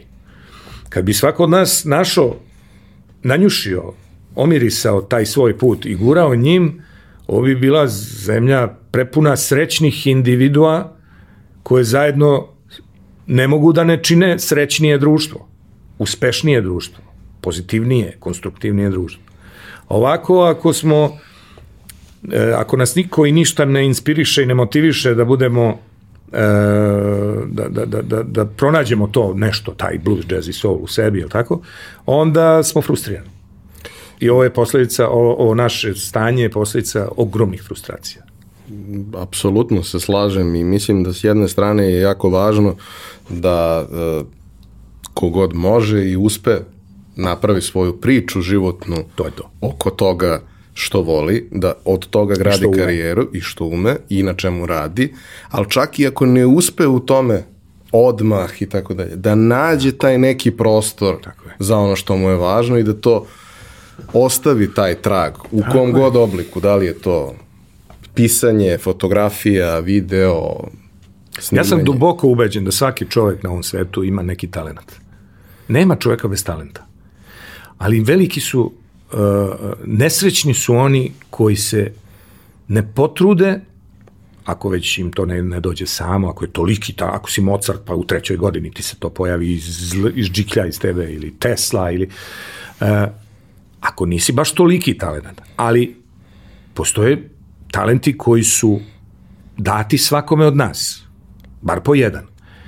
Ali su nesrećni ljudi koji to ne koji se ne potrude da pronađu zašto su talentovani. Ili čak oni koji to još ciljano gore. ne žele da se još gore. onim... To nema gore odatle. To, ali to, to će onda sam krojač svoje nesreće. Ali ovde, ovi koji se ne potrude da pronađu, e, to bi bilo, ja bi onda recimo ostao na nivou studenta prava koji će sa nekim lošim ili katastrofalnim ocenama završiti na, na, na oruk to, otići u neku firmu, zaposliti se, biti katastrofalan pravnik koji jako lepo zabavlja ljude u kancelariji. pa dobro, ni, ni to ne bi bilo verovatno Znaš, za te ljude da, u kancelariji. Da, za njih ne, ali gde sam ja? Šta sam ja onda uradio? I zar je moguće da to treba da istrošim samo na par ljudi u kancelariji, te neke talente. A ja kažem, evo da viš ti šta on radi, on donese gitaru pa nam svira, pa nam priča vice, pa imitira, pa ovo, pa priča, pa, pa donese, pa napravi, pa pesme. I, zašto to ne bi videli ljudi kad je to namenjeno širem A šteta kad je tako loš pravnik. A, a kaže, kakav je ovako? Nije neki a, pomenuo si, a i to je opet jedna od jako važnih stvari koje si radio. A, pomenuo si knjigu Nacionalni park Srbija, prvi, posle i drugi deo. A, ta knjiga je u tom trenutku u vremenu jednostavno bila jedna kultna, genijalna stvar i svako je želeo da ima svoj primerak i ja sam ih poklonio mnogo i jedno vreme sam ih čuvao pošto ih nije bilo u prodaji pa za specijalne prilike da mogu da ih poklonim ljudima. Uh, ta kombinacija toga što si ti napisao i onoga što je Bob ilustrovao je ne, neverovatno. Odakle to čoveče? Odakle? To je malo duža priča, ali dobro, skratit ću je maksimalno. E, kreativni centar e, je kuća u kojoj Jaca Jasminka Petrović, koja je bila sa mnom u timu talenata, vladina žena, e, pisala neki krenula je da do dana današnjeg napisala 30, 35 knjiga žena, ne samo za njih, nego i za druge, ona je ozbiljan dečiji pisac. Ali ona je bila kontakt sa kreativnim centrom, jer me pozvala i rekla, ovi su zainteresovani da im ti napišeš neku, za rubriku kreativno vaspitanje, neku, neku, neki esejčić na tu temu. Ja sam tu napisao neki esej koji se zvao 350 grama kreativnosti i dva jogurta, to je bila neka, neki, neki naslov i, i pričao sam u stvari kako sam ja, eto, nego, negujem od malih nogu tu svoju kreativnu žicu. Odakle vam kreativna žica? Eto, tako nešto se to zvalo. Ja sam dao odgovor na to. E onda je Jaci, pošto to njima dopalo, onda je Jaca njima rekla, ej, ali ima on nešto što je nudio Bogoljub Bukariću, zvao ga, Bog, a zvao me zaista Bogoljub Karić godinu dana pre toga, da ovaj da radim emisiju kod njega na BK televiziji. Kaže, vidi Mičko, ti bi mogao da dođeš, da uradiš ono, vodiš neki program, onaj Letterman što tamo to radi, oni zarađuju po 2-3 miliona dolara to što oni zarađuju, ti ne bi mogao da zarađuješ ovde, to odmah se razumemo, iseče sam sebe, znaš, da ne obeća previše. Uglavnom, ponudi on meni da ja radim emisiju. Neku, na.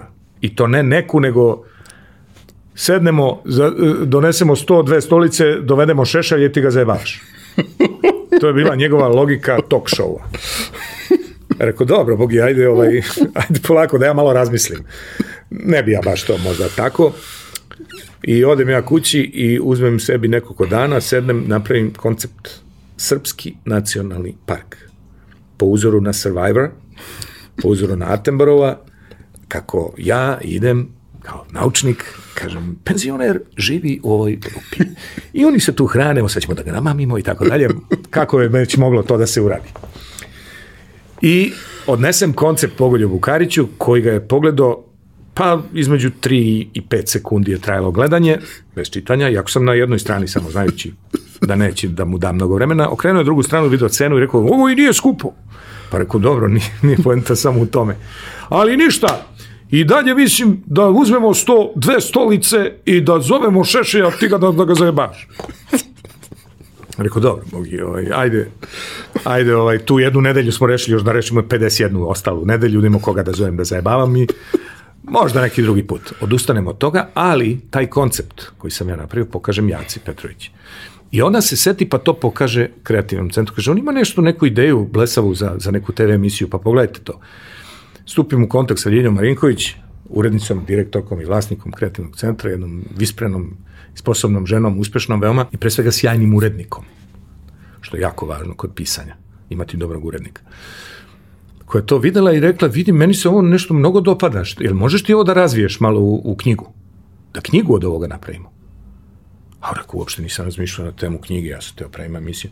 Ajde, rekao, daj mi malčice da razmislim. I onda ja sedem i napravim tu neku ideju, klasifikaciju tih nekih endemskih vrsta, pošaljem i napišem jednu celu, pošaljem i ona kaže, to je to.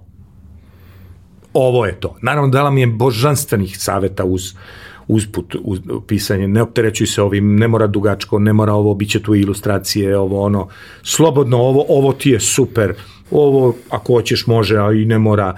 Znaš, ta, fantastičnih uredničkih tih caka, s kojima nisam imao ranije prilike da se susretnem, koliko je važno da te dobar urednik vodi kad nešto pišeš, znači to prvi put, ali i kasnije u životu. I kad smo to napravili, kad je Bob nacrtao to, kad smo mi to videli na, na, na papiru pre štampe, ja sećam sam Voji pokazao to u toj ranoj fazi i on je to video, prelistao to i kaže, ovo je mnogo dobro. Samo to je onako bila konstatacija. Mnogo dobro, kaže. Mi smo to odštampali i to je bez dana promocije, bez dana reklame, bez jedne mrve uložene u to da se o tome nešto čuje, pronašlo ljude. Pritom se knjiga pojavila istog dana kada mi je bio e, premijera oproštenog koncerta. 24. decembra, sećam se datuma, 99. jer ja sam imao potrebu da ta knjiga izađe u u 1990. I to mi je bilo uf, mnogo važno. Da ne pređe u milenijum drugi, znaš. I ovaj, e, rekao da, da, da, da to ostavimo tamo gde, gde, gde i pripada krajnjoj liniji. Te, taj baš i bozuk ljudski i taj, to smetlište. Bio sam optimista, ali tako? O, e, kada to, to veče na premijeri došli su neki ljudi i ja, moj drugar, čestita mi, došli onako, do, prilaze čestitaju u ovom plavom salonu Doma sindikata i kaže, kupio sam ti knjigu i pročitao, ono nije normalno. Rekao, kad si pre kupio i pročitao? Pazi, tog dana je izašla. On je već kupio i pročitao čovjek. Što je inače dobra prednost te knjige bila. Bila je... Dosta brzo se počela. Brzo se čitala, ima dosta i slika. Ko slikovnica? Mnogi nikad, koji nikad nisu pročitali knjigu, su mogli konačno da kažu pročitao sam ovu knjigu. Znaš, u stvari su se prvo zabavili gledajući slike i čitajući naravno one, one šašavosti koje su unutra. Pritom naravno e, sve što unutra, ja sam to posle u nekoliko navrata se vraća o tome da volim da vidim kako vreme utiče na nešto što uradim. To i dalje drži vodu. S izuzetkom onog nekog carinika koji više nije aktuelan jer nisu više sankcije, pa smo otvoreni, otvoreni, ti vidiš da to tamo radi. Ono gde sam mislio da treba da se dopuni, dopunio sam u drugom delu, koji je imao i svoju reklamu, i svoju promociju, i, i svoje, ali nije prošao kao prvi deo. Odnosno, knjiga nije prošla. Ali je prošlo ono drugo, što ljudi nisu ni vezivali za knjigu, CD, Mica Ubica. Mica Ubica se zapatila kao lik koji u jednom trenutku ljudi nisu više ni znali, ono FT1P je ušlo u, u, u, u kolokve, da bome, FT1P se koristi, znaš, to, to prosto a, a, birokratski, taj, birokratska mantra, tako? Mica ubica koja je hit, žena koja, koja je, ja sam to doživljavao na šalterima, da mi kaže, kad me vidi ko sam, ja, ja nisam Mica ubica, odmah dan kaže. Rekao, to ćemo tek da vidimo. Polako, tek smo krenuli. Tako da je, prvi deo je bio nenormalno dobro tempiran. Timing je bio strašan i tema je bila dobra. I način na koji je obrađeno, nacrtano, napisano, sve je bilo savršeno. Drugi deo je bio, nije bio ništa lošije, ni napisan, ni zamišljen, ni koncipiran, sve. Nije bio isti tajming. Tajming je mnogo važna stvar u svemu što radiš u životu. I odnosi se i na, i na umetnički e, doprinos, i na industrijski doprinos. Tu mislim recimo da se Walkman pojavio recimo mnogo pre nego, pardon, ne Walkman, e, Walkman je druga priča, nego iPod, iPod je izmislio, čini mi se, kompak. Početkom 90-ih je već postojao mali digitalni snimač koji mogo pet pesama, lupam, da ima. Međutim, iPodu nije bilo vreme tad, nego onda kad je Steve Jobs izbacio iPod, taj mali digitalni snimač koji je nosio neko, ne znam, 15-20 pesama, koliko je mogo da nosi u to vreme na početku. Dakle, tajming je nekad ne može da bude važniji od onoga, od proizvoda duha ili industrijskog, opet kažem, ali ništa manje važan. Kada ćeš i kako ćeš i način na koji nešto plasiraš, ali kada ćeš da plasiraš istu stvar, identičnu stvar, isto odglumljenu, napisanu, od, komponovanu, šta god, kada pustiš sad i kada pustiš sad, nema isti. E, pre deseta godina sam pisao neki tekst i analizirao taj, taj fenomen koliko je zapravo tragično kada uradiš neku fantastičnu stvar pre vremena. Vreme, da. Kad uradiš nakon, kad, kad bude kasno, ok, promašio si, već se desilo, ti si kasno odreagovao. Ali ako uradiš pre vremena, ti si uradio sav posao koji treba, a na kraju će neko drugi od toga da profitira. I to je uvek onako nekako prestrašan osjećaj. Nekad yes. se desi da te, da te ideje uspeju da opstanu, da doguraju do pravog trenutka. E, to je važno što si rekao, zato što postoje ideje koje, kojima, kojima ne prolazi rok. Nije sad trenutak, pa neću o tome sad. Ja sam jednu takvu ideju imao i ona i dalje postoji, ali ovaj, uključuje još neke ljude još neke materijale koji su vanvremenski, koji jednostavno trpe, trpe protok vremena. I to na nivou nekoliko decenija trpi. I istovremeno to se dešava i u svetu. Ti vidiš da svi ovi ozbiljni veliki filmovi su razvijani 5, 10, 15 godina. Ti pogledaš od Scorsese, pa nadalje, šta su radili. Ljudi vide kad im se pojavi nov film, a ne znaju koliko je verzija pre toga scenarija bilo potrebno, koliko vremena da se skupe pare. Pa nije bilo vreme, pa je se radili neki drugi projekti umeđu vremenu, pa je tek onda došlo vreme. Timing je jako, jako važna stvar kad se već dotičeš film, uh, ti si, pored svega ostalog što kad bi trebalo da se pravi neka vizit karta ili nešto, ja sam, imam moj, moj prijatelj, tvoj kolega i saradnik s vremena na vreme, Miloš Maksimović, mi kad smo trebali da napravimo ovaj najavu, kad je Miša bio ovde u epizodi, kao šta da mu napišem? Šta, šta da mu napišem? A multimedijalna ličnost. e, ovaj, ti si Uh, sa, sa nekim uh, početkom 90-ih imao svoju prvu ulogu na film ozbiljniju. Mislim, vrlo ozbiljno. Ja I sad povremeno pogledam to.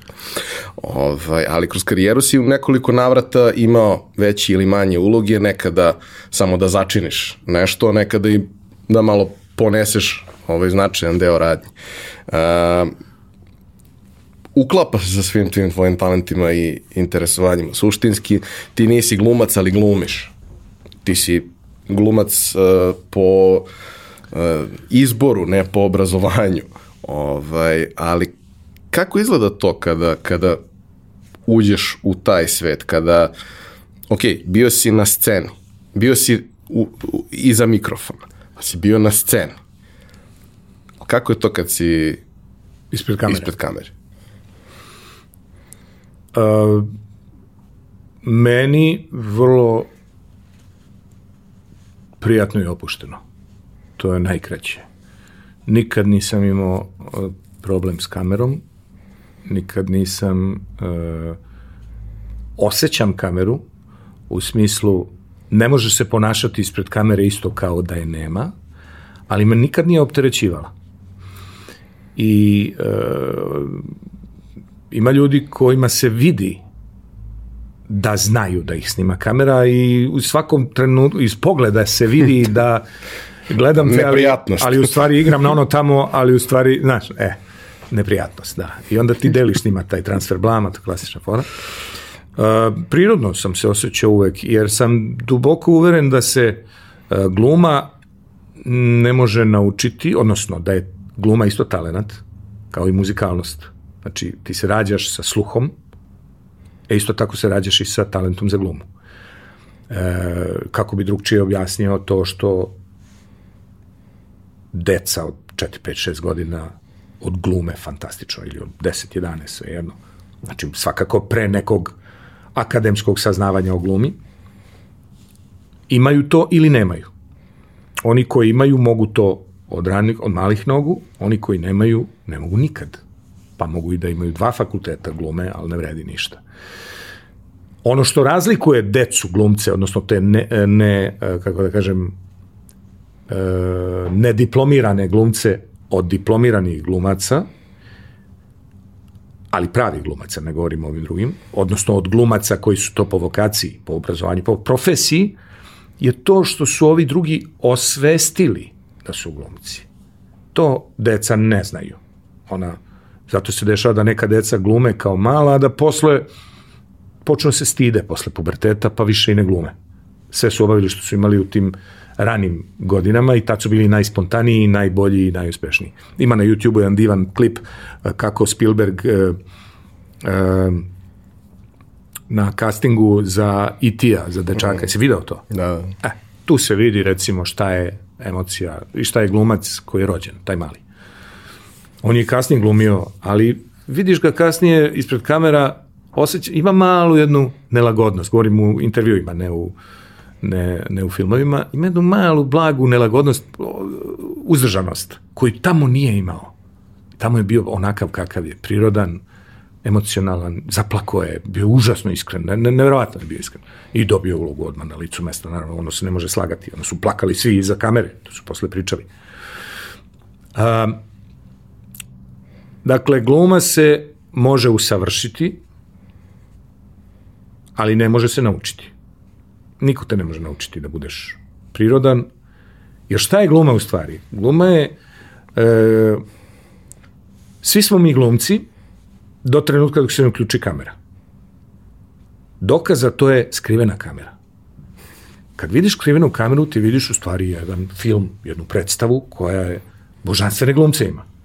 Strašno su ubedljivi i iskreni. Jer ne zna. Ali kad se upali, kad se, kad se od se udide, evo ga, osmi, ja, pa, ne pre... E, to je ta razlika između pravi glumac koji je osjeća glumu i, i može njim da se bavi, može da se ponaša ispred kamere kontrolisano, a dovoljno prirodno da izgleda kao da kamere nema. I ti u stvari donosiš sve vreme iluziju da kamere nema. Jer kamera je jedno, jedno nevidljivo oko koje, koje, publike koje je ušlo u tu sobu i gleda to glumca šta on radi kad je sam ili šta njih dvoje rade kad su zajedno. Zato je to teško. To nije lako biti uh, ubedljiv glumac. Jako je teško. Ako nemaš talenta, onda je nemoguće. Ako imaš talenta, onda je teško odglumiti bilo šta. Ne, ne možeš, dakle, bilo šta da odglumiš. Biti glumac ne znači glumiti sve.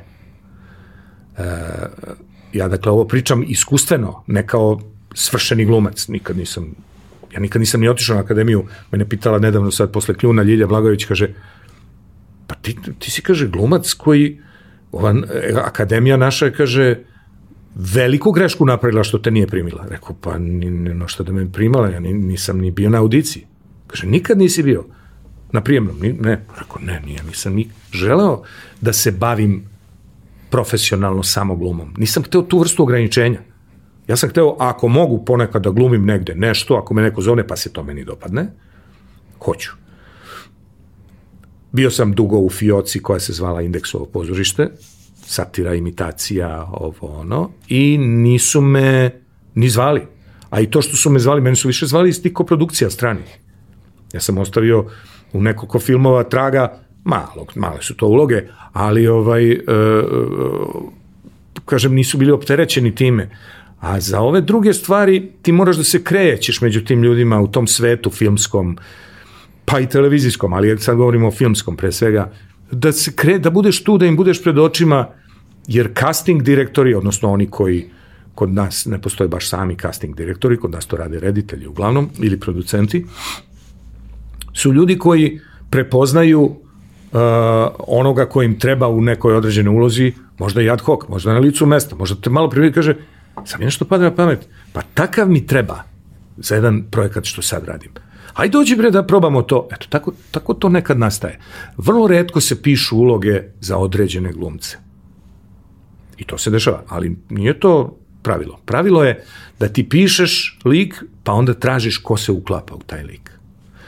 I meni je slatko i drago kad me neko zove da radim nešto, a polako počinju sad da me zovu, Uh, ne prihvatam ja baš sve što me zovu, ali počinju da me zovu za neke stvari koje su meni zanimljive i izazovne i zato otud recimo i ova priča sa, sa kljunom u, u nečemu sam se našao u čemu u vrsti uloge kakvoj nikad do sad nisam bio. Ozbiljnoj i a, da, a mora bude ubedljiva. A pritom nemam na sebi ni, ni grama šminke, ni grama maske, ni grama ni grama kostima. Nemam ni kostim, ni šminku, nima sve, samo onakav sam kao što sam sad. I znači treba da vas ubedim da sam debeovac koji je ovakav i onakav i da zračim na jedan čudan način i očigledno je uspelo. Boga mi jeste. Ove, malo sam, da, mi smo se čuli pre toga, pa smo se čuli nakon toga, nije mi bilo sve jedno kad smo se čuli nakon toga. A, znam. Kako veliš, ovaj me sluša sigurno.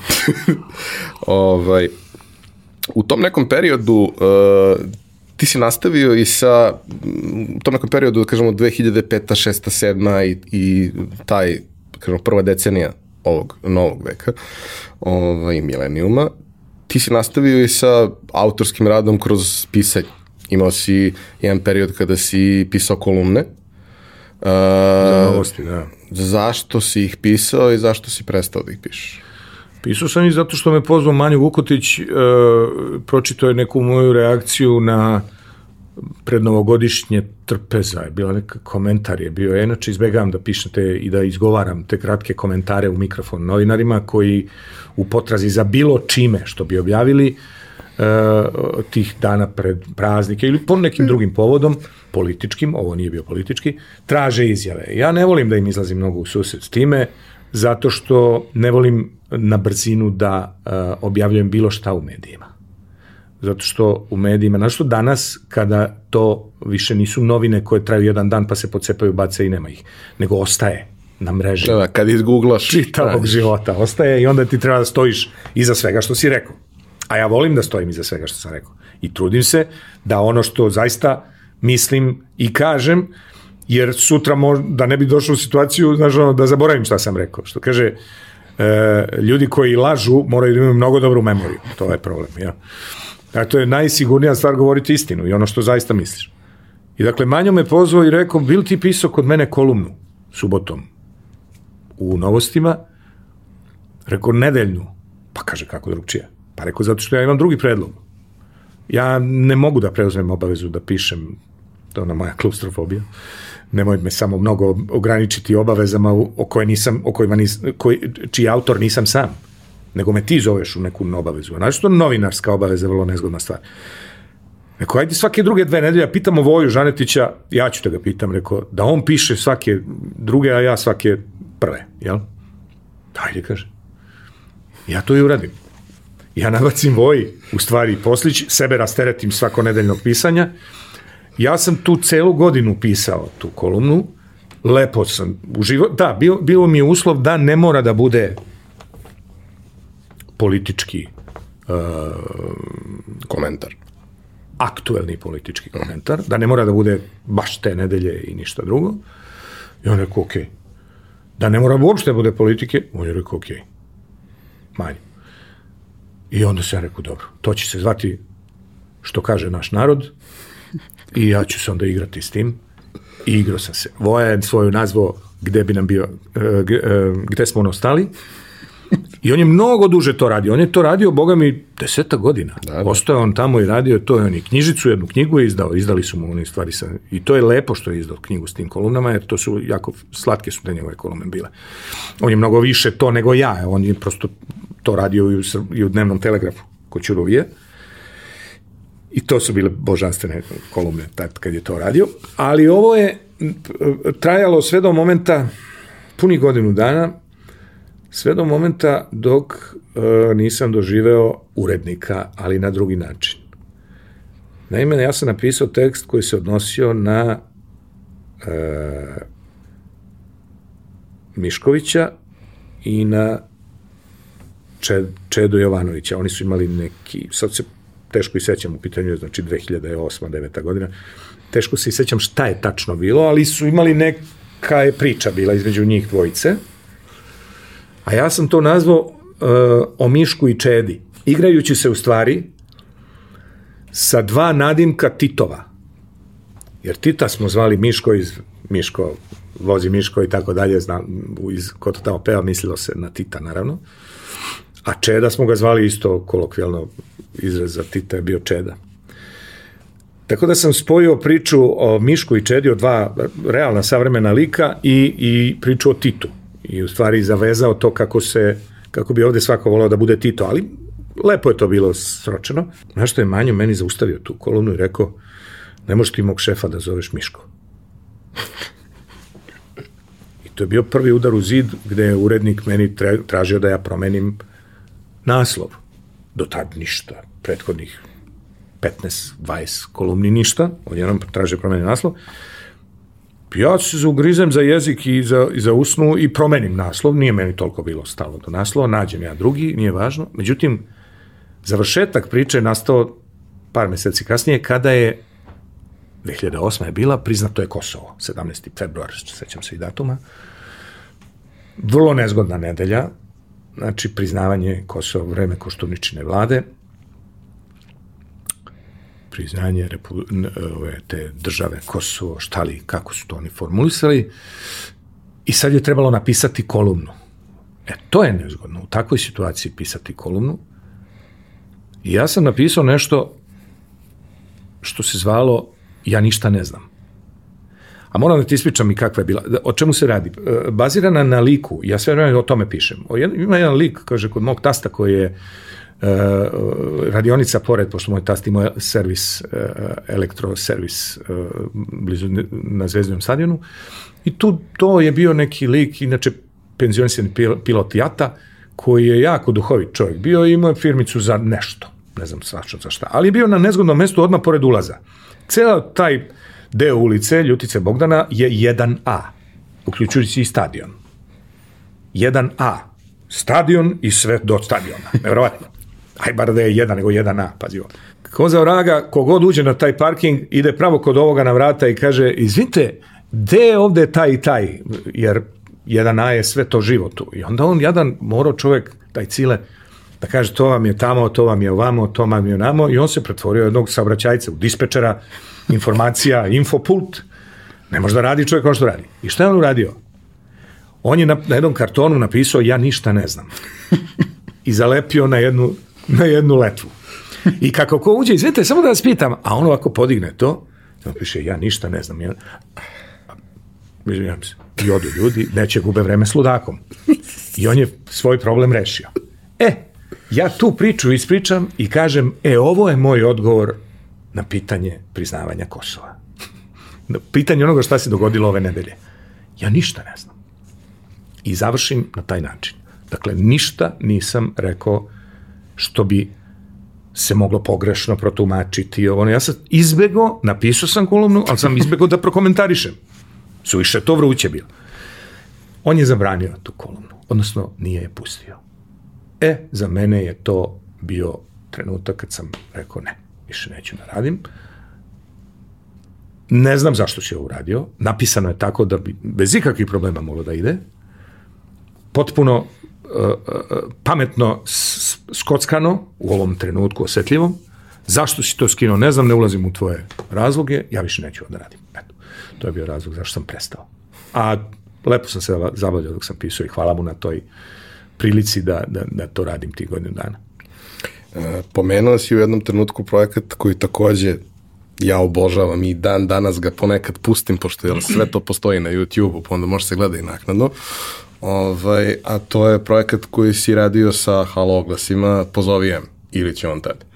Ovaj, te si bio ti, gde su bili kasnije neki gosti tu sa tobom, gde ste u suštini uh, zajebavali ljude tako što ste zvali ljude sa oglasa, koji su postavili oglase i ovaj, ti si onda sa njima pregovarao oko kupovine i da. kupovine i sad si upao u zamku jednu, potpuno jasno zašto, kad si rekao zajebavao ljude.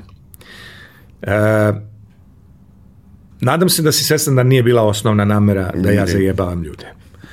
E, to je za mene od samog početka bio sociološki, psihosociološki eksperiment. Jer ja da sam hteo da zajebavam ljude, ja bi im stavio imena i prezimena i slike. I brojeve telefona. I pristup je da ono Bogu ljubovo šešelj. Tako je. I zvao bi da vome šešelja da ga zajebavam. Ja nemam potrebu da zajebavam posebno nepoznate ljude.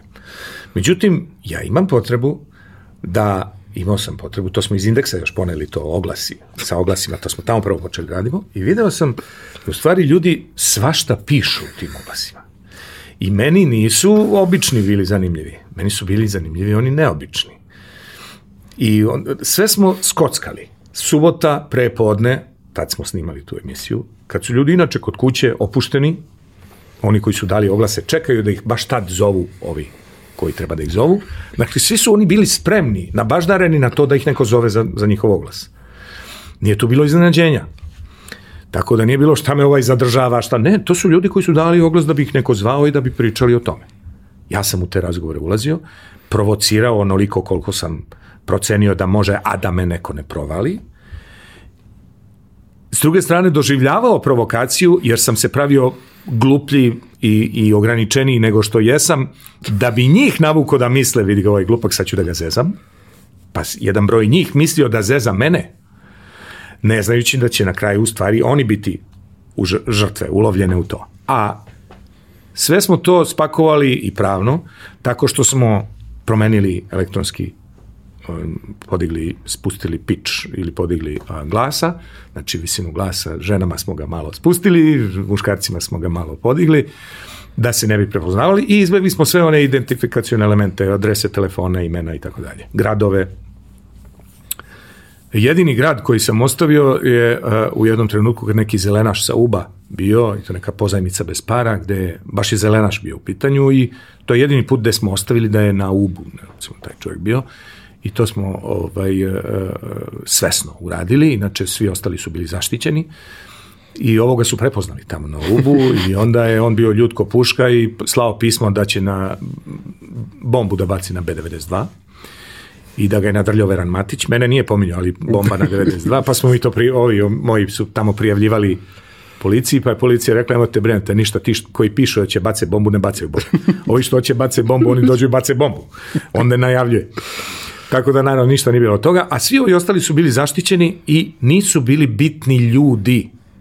Bile su bitne te pojave društvene koje izazivaju ljude da na određeni način kupuju, prodaju ili razmenjuju u, ili svoje usluge ili proizvode tako dalje tako dalje. Ja sam te najzanimljivije birao uz pomoć Vlade Aleksića koji mi je tu mnogo pomagao, on je bio reditelj i pomagao mi je kasnije u montaži mnogo.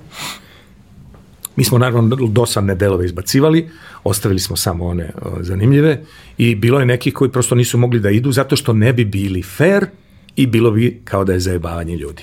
Ima taj čitav jedan, jedna fiočica puna takvih oglasa koji nikad neće uleti svetlost dana, zato što bi oni bili jedan korak preko granice. Jer su sticam okolnosti morali da odaju svoj identitet zbog toga da bi se fora napravila. Evo samo mogu da dam jedan primer da je žena dala oglas prodajem dva para jelenskih rogova u potpisu Jelena. Kako da se ne javiš na to? Jeleni. za jelenske rogove. I to kao stručnjak... Dva para. Za dva para. I to kao stručnjak koji je jelenolog, ja sam bio jelenolog koji se time bavio i koji, koji je nju pitao između ostalog jer imate sertifikat, imate rogovnik.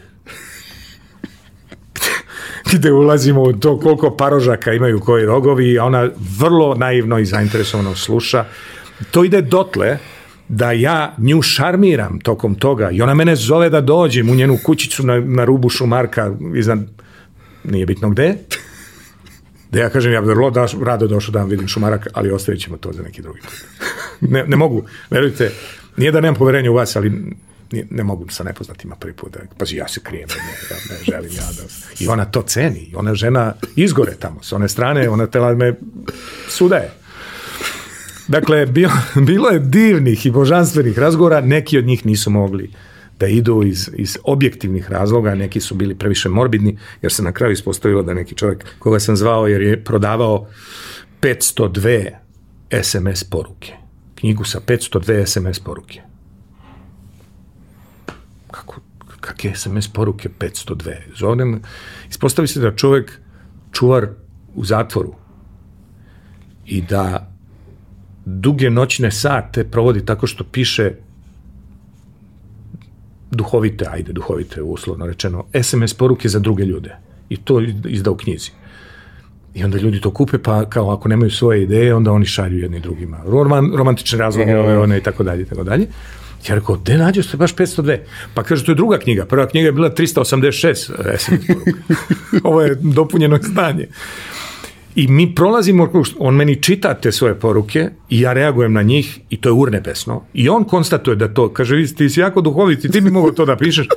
Da bi došli na kraj, kad on meni u razgovoru kaže, pa otkud ti ta ideja? Pa kaže, eto, ne dugo sedim, ovaj, pišem noću to, ovaj, žena mi je bolesna, ima rak.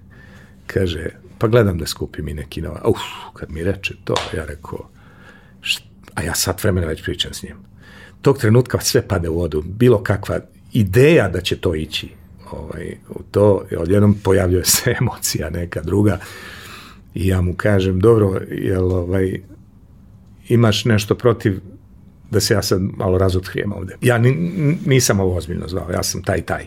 I ovo zovem, izvini, nisam znao da je takva situacija. Pa kaže, po Bogu, pa nije, nije ništa, ništa ti nisi uradio. Nasmeo si me, kaže, lepo. Pa znam, rekao, ali ja sam ovo hteo da pustim, a neću pustiti sad zbog ovoga, ali ću ti naručiti tri knjige. Je li to okej? Okay? Ja kaže, lepo bi bilo. Ja naručim te tri knjige da mu malo učinim čoveku. Da, ali, kažem, to je bilo čak i emotivno i onako na jedan način, ali nije moglo da ide. I bilo je takvih još nekih ogla. Ovi drugi, ovo su sve ovi straight, da tako kažem, straight ludaci bili ko onaj, onaj koji je imao neku ideju, koji je uslio biblijski san, pa motel u obliku krsta i tako dalje. Mislim, to je kako, kako se ne pošaliti s njim, jel? A čekaj, uh, jednu stvar samo uh, se ne sjećam i pokušavao sam ono da, da rekonstruišem, ali nisam, nisam uspeo. Uh, vi ste zvali oglase koji su zapravo izašli u, u, u novine. Jeste davali oglas? Da. Apsolutno. I davali ste. Znači, bilo je dvosmeno. pa, da. pa evo ova ta pozajmica bez para s tim zelenašem, ta je bilo, ja sam dao oglas, poz, davao bi pare na pozajmicu. Kraj oglasa. Mislim, ko to radi uopšte? I ko se javlja na takav oglas? I onda shvatiš da se javlja zelenaš koji pokušava da ušać, ušićari nešto, pa se na kraju razočara jer shvata da ja u stvari nemam para ali da bi vrlo rado uzimo kamatu. Ja.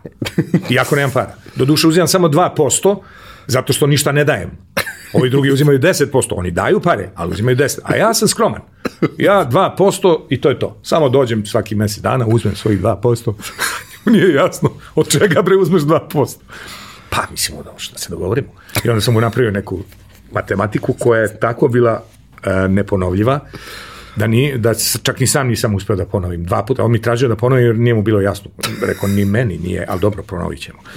To je urnebesno. Pozajmica bez para je urnebesna. Mislim. I kažem, nije ni čudo da on posle nadurio, ali baš me briga. Za zelenaša nije mnogo briga što se ne ljuti. E, opet, hronološki negde u tom periodu kreće tvoja priča sa ozbiljnim predstavama. Odnosno sa, da kažemo, tvojim autorskim radom koji nema veze sa indeksovim pozorištem i tim delom imitacije humora i toga svega. Uh, prva predstava koju si uradio je po tekstu koji Bernharda je... Ludviga. Bernhard Ludvig, da. Uh, ali koliko sam shvatio, uh, tekst jeste inspiracija, ali si to, ti to da.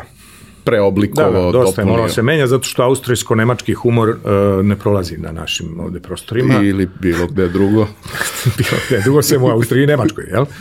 Tako da kad sam ja dobio to Argane, Pecikoza mi je to predložio zato što je video neko moje gostovanje kao doktora Dragoljub, kako se se predstavio.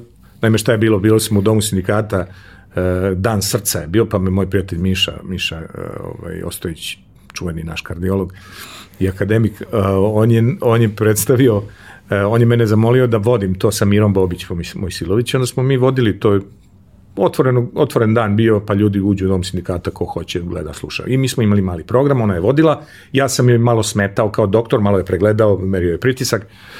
I tu su iznad visile neki helium baloni u obliku srca, iznad bine u domu sindikata, ogromni. I onda ona primetila da ja to nešto stalno gledam gore i kaže, doktore, zašto vi stalno gledate, a ja onako u belom mantilu sa stetoskopom, Dragoljube, zašto vi stalno gledate gore u te, ovaj, u te balone, u srca od helijuma? Pa rekao, zato Miro što razmišljam, hvala Bogu da je ovo dan srca i da je, ovo, da, ovde, da je ovde reč o kardiologiji. Zamislite da je ovo dan urologa ili ginekologa, šta bi ovde visilo? U, čijem, u kom obliku bi ovi baloni bili? I to Gane čuje i kaže, urnebesno je ovo što si rekao, palo mi na pamet da bi mogo ti da budeš, bre, taj, imam ja jedan tekst, neki austrijanac pisao i nabavi mi taj tekst, mi ga prevedemo, šest meseci je trebala priprema i onda krenemo da radim. Ja još uvek radim tu predstavu, sad ne u doba kolida, ali 150 i nešto predstava sam odigrao toga i, i po svetu smo išli, po Kanadi, Americi, Dubaji, ovamo, namo, Skandinaviji. Baš smo se naigrali toga i igrao bih je i dalje, možda ću je igrati kad prođe ovo, pa u Akademiji 28. U Akademiji 28, da. A, a druga... Nema politike, nema imitacije, ima priče o muško-ženskim odnosima, e, dakle i oni koji bi me stavili u fioku nemoj crna lista, ovo ono, ne mogu, sa tom predstavom zaista mogu da igram bilo šta i bilo gde. A, a druga predstava? Danas sam je divno dno. To je nešto sasvim drugo i to je onako bio sublimat e, i vojn i moj To je indeksovo pozorište posle indeksovog pozorišta i to 20 godina, skoro posle, 15 godina posle indeksovog pozorišta smo nas dvojica seli i napisali nešto što je postajalo, uh, postajalo samo kao ideja dno, dnevne novine i oglasi, tabloid dno, što je onako, uh, uh, opet kažem, sublimat svega onoga što mi mislimo o, o, tim tabloidima i o tom nadri novinarstvu koje se ovde zapatilo i toliko lepo cveta. Uh, krenulo je od ideje, te, a onda smo seli uh, i do, dali sebi dovoljno vremena da napišemo, da iskoristimo sve te moje likove i čak delimično bazirano na Nacionalnom parku Srbija. Jer ona pevaljka je u stvari slična, uh, isti je lik koji ona pevaljka. Kriminalac je, jes malo liči na Kristijana, ali u stvari je kriminalac, mislim, arhetipski. Pop je pop, nikakav konkretan Louis Vuitton, jeli, Epitrahilj i ostalo. Uh, penzioner je tu, naravno. Tu je i neki biznismen i na kraju krajeva tu je taj Superman, tadašnji premijer koji je sve to objedinjavao i koji je davao tome svemu jednu dramaturgiju koja se provlači kroz celu predstavu. Strašno zahtevna, fizički naporna predstava gde ja sedam likova glumim, glumim preslačim se, fantastični kostimi e, koje mi napravila kostimograf, ne mogu, da, da je se, Jelena se zove, ne mogu prezime da se setim, fantastično. Nešto što u roku tri minuta možeš da skineš jedan i da obučeš drugi, e, a ne zaboravi da se ja tu oblačim i u ženu, i u ćelavog čoveka, i brkovi, i perike, i, I šta sve, i na kraju Superman. Dakle, jako logistički složeno i, i, i, i kako da kažem, e, e, komplikovano, iznurujuće na prvi pogled i zaista dva puna sata to traje. Srđan koji je, e, koji je ovaj, taj voditelj koga smo pažljivo odabrali jer je e, izvanredno dočarao tog jednog ljigavog novinar je, ali u stvari bi za 100 evra svašta radio, pa na kraju doživi da ga isponižavaju, ispljuju, pa i istuku i da ne dobije 100 evra. Ali dobit će jednom drugom prilikom, jer taj lale mu je obećao i tako dalje. I dakle, ta promena je bila toliko ubedljiva i dobro urađena e, da su neki ljudi koji me ne znaju, a koji su bili dovedeni na tu predstavu, dakle, to, to, to mi je posle ispričano, kaže, bila neka žena koja je doveo je neko i rekao, ajde idemo večeras na neku predstavu, koju predstavu, pa evo, vidjet ćeš, ajde, nije važno, je dovedu je tamo. I kad je odgledala žena predstavu, ustaju i kad smo izašli, nas dvojice se poklonimo, ona kaže, a što ne izađeš ovi ostali glumci se poklone, nego samo ova dvojica, Superman i ovaj. Dakle, žena nije shvatila da je to jedan čovjek sve vreme bio, da se menjao, jer me ne zna, odranio ili bila nekdo u inostranstvu ili šta je nešto, nije ni važno. Uglavnom, kombinacija kostima, uloga, imitacije i, dočaravanja tih sedam likova u dva sata, a svi različiti, a svaki daje svoj doprinos ovom i celoj situaciji, je jedna lepa kombinacija indeksovog pozorišta i Nacionalnog parka Srbija. Nacionalnog parka kome smo dali omaž na taj način Voje ja, indeksovog pozorišta u koje smo najviše on ja e, autorski i ulagali bar za te žive predstave. Išlo bi to i posle, ali je stalo zato što iz dva razloga. Prvo, e, dom sindikata se zatvorio i, i pretvora, posle toga pretvorio u kombajn dvoranu, znači sledeći godinu i po dana je bio adaptiran, a drugi razlog je bio što više nismo imali Vučića kao premijera, nego je tog juna meseca te godine je, to je 2017. on je postao predsednik. Tako da se, e, moralo je mnogo da se promeni u, u, u, u samoj predstavi, a našto u onim snimljenim delovima koje, u kojima je on premijer. Sećaš se, nazad piše Vlada i bajke Republike Srbije i on ide i priča, ima tu konferenciju za štampu non stop, jednu veliku konferenciju za štampu koju, koja se prekida ovim intervjuima. A koja je u stvari smišljena od strane nas dvojice da, da mogu da se presvučem za to vreme. Tako da je to, to jako, jako dobra, uh, jako sam zadovoljan tom predstavom. Mislim da smo tu Voje ja upakovali zaista sve što smo u tom trenutku hteli da kažemo za, za tu situaciju. Ne samo u vrhu naše politike, nego u društvu, pošto je to presek kroz vrste. Zato kažem nacionalni park. Mi smo presekli sociološki jedan presek smo napravili i, i ovaj, bez obzira što je to iskarikirano, naravno, ali ti shvatiš da to baš i nije toliko iskarikirano. Da je u stvari naš život iskarikiran već. Ova metafora je se pomešao, on što Duško Kovačić kaže, pozorište podkazuje život i, i, i ovaj, šta je ovde scena, šta, šta je ovde bina, šta je ovde ekran, šta je realno, sve se to izbrkalo. Mm, čist dokumentarizam. Da. Uh, pliješ. Pliješ je jedna od redkih stvari sa televizije koju sam gledao redovno, do duše nikad je nisam gledao na televiziji, uvek sam čekao da izađe na YouTube jer nema šanse da ubodem termin da ga gledam Tako je. tada kada je. Ali Pljiž je bio moj uh, ono, uh, nedeljni ček šta se dešavalo, pošto se trudim da ne budem previše informisan. I mnogima je bilo to. Ja, mnogo mi je značio i mnogo sam ga voleo i pričao sam, kažem i kad je, kad je Voja bio sa njim o tome, posebno o onom delu zašto se on onoliko smeje. Mislim, ja potpuno razumem zašto se on čovjek smeje, ali onda kad je objasnio kako, kako zapravo nastaje to sve i da ti baš nikako ne smeš da budeš u liku ako se ne snima, jer onda to nije to.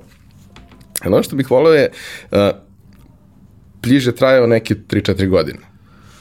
Da. Tako. A, I a, e, bio je koncipiran kao sezonski program. Dakle, nije išao u kontinuitetu, jer verujem da bi bilo ne, neizdrživo. Ne samo to, nego nije ni moglo. Ono, leti se svakako pravila pauza, pa i ovi drugi duge emisije, Ivanović, Kesić i oni prave te pauze letnje svakako, a i zimska bude neka, samo je njihova uvek bila kraća. Naše su bile pauze duže. E, voleo bih da mi daš neki svoj utisak sada kada je ta priča zaokružena. Šta ti je to dalo? Uh, koliko je tebi priješ važan i koliko ti je značio i naravno da mi kažeš a zašto ne više. Zašto ga nema. Pa ovako, uh, ne bi ga bilo za početak da nije bilo Jugoslava Ćosića, koji je bio veoma uporan, tvrdoglavo uporan, da me pozove i zvao me, a znamo se iz indeksa 202 i on je pisao predstavu za šaku glasova, recimo onu jednu e, To smo baš kad je Voja bio objasnili da. da iako ljudima Jugoslav ne deluje kao osoba koja da, da, ima da, smisao za humor, da, on je zapravo vrlo. Ja, duhovit, duhovit je Jugoslav vrlo ume, ume da, ali, se, ali on nije pratio tu liniju, on ne prati i ovo što je radio, ovaj pressing, ovaj, jednostavno nije, nije hteo da ide u tom pravcu, ostavio je to negde za, za, za, neku, za neku raniju fazu svog života. Ali je imao ideju da, da mene dovede na N1 i da ja nešto tu, šta god. Komentar ono nešto, nešto nedeljno. Tvoje. Pa kad je vidio da ja nisam nešto baš za te nedeljne komentare, jer mene to nikad nije dovoljno interesovalo, pa sam i Manju svoje vremeno rekao nemoj da pišemo o politici nedeljno, ne interesuje me.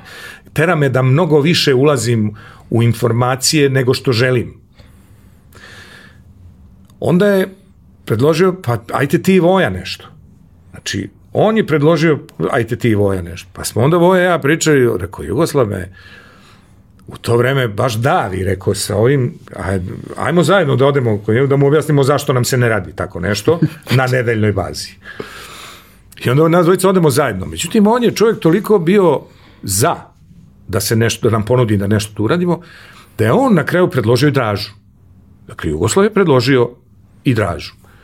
A evo draža, pa je moglo to malo da osveži i vas dvojicu i to i tako dalje. Mi smo, jednom, da, mi smo u jednom trenutku rekli, ajde, ajde, toliko navalio čovjek da nam da televizijsku emisiju, ajde, da probamo. Bala te emisije.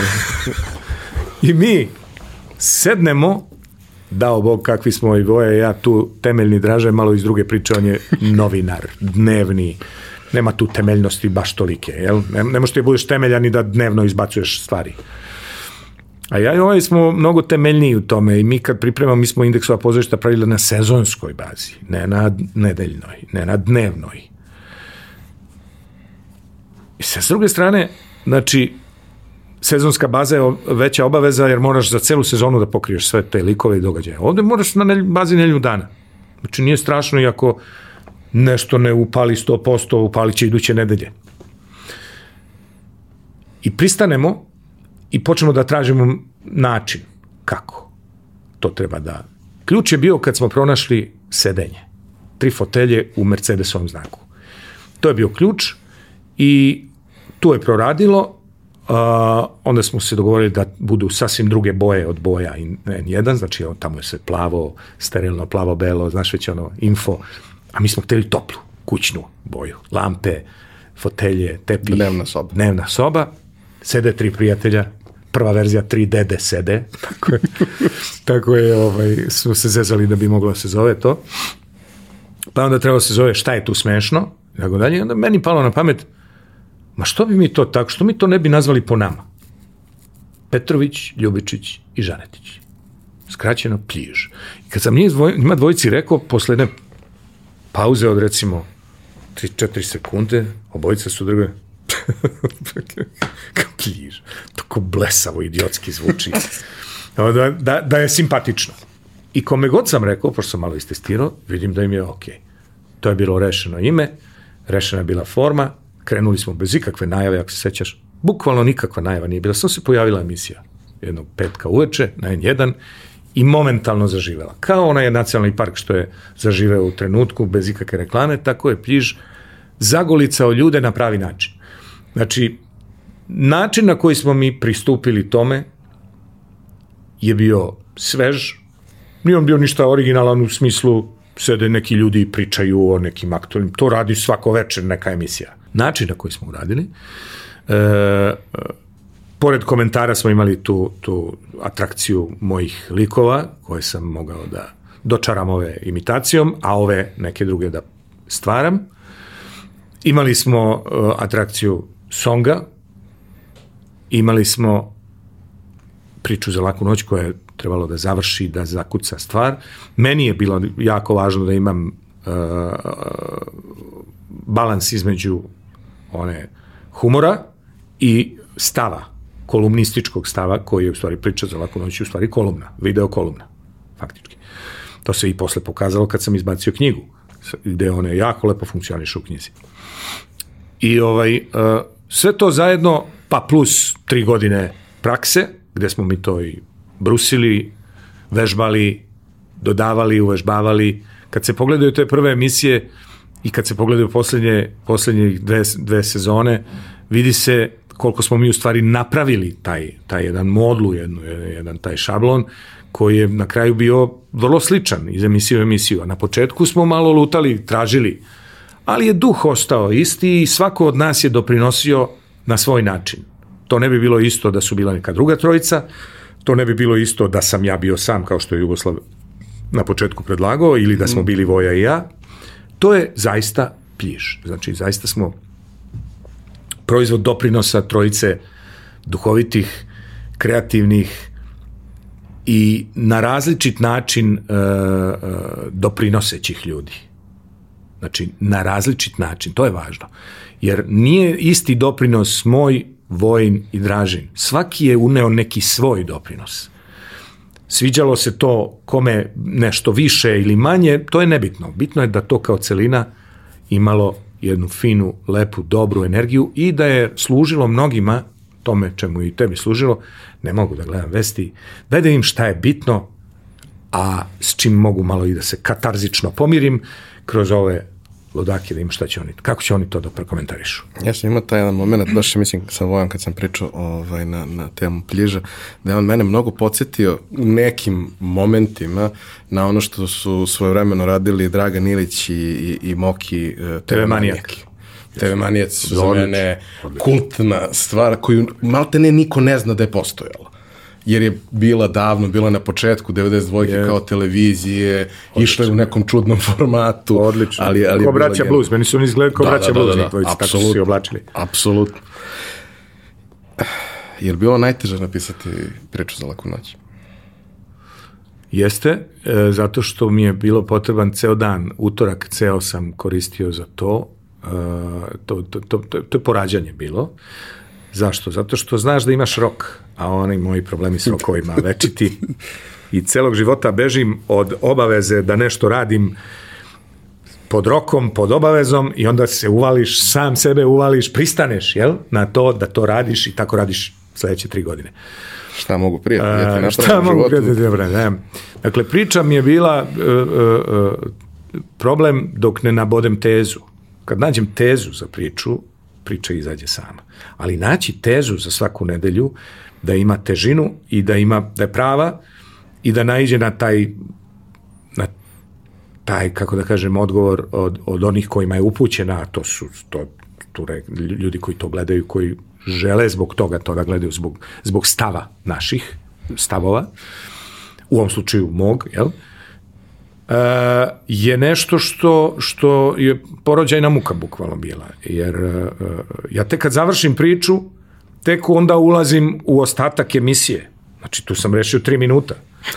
Šta ćemo radimo ostatak? Kraj. Aj, dolazi sreda, dan kada mi i snimamo emisiju uveče.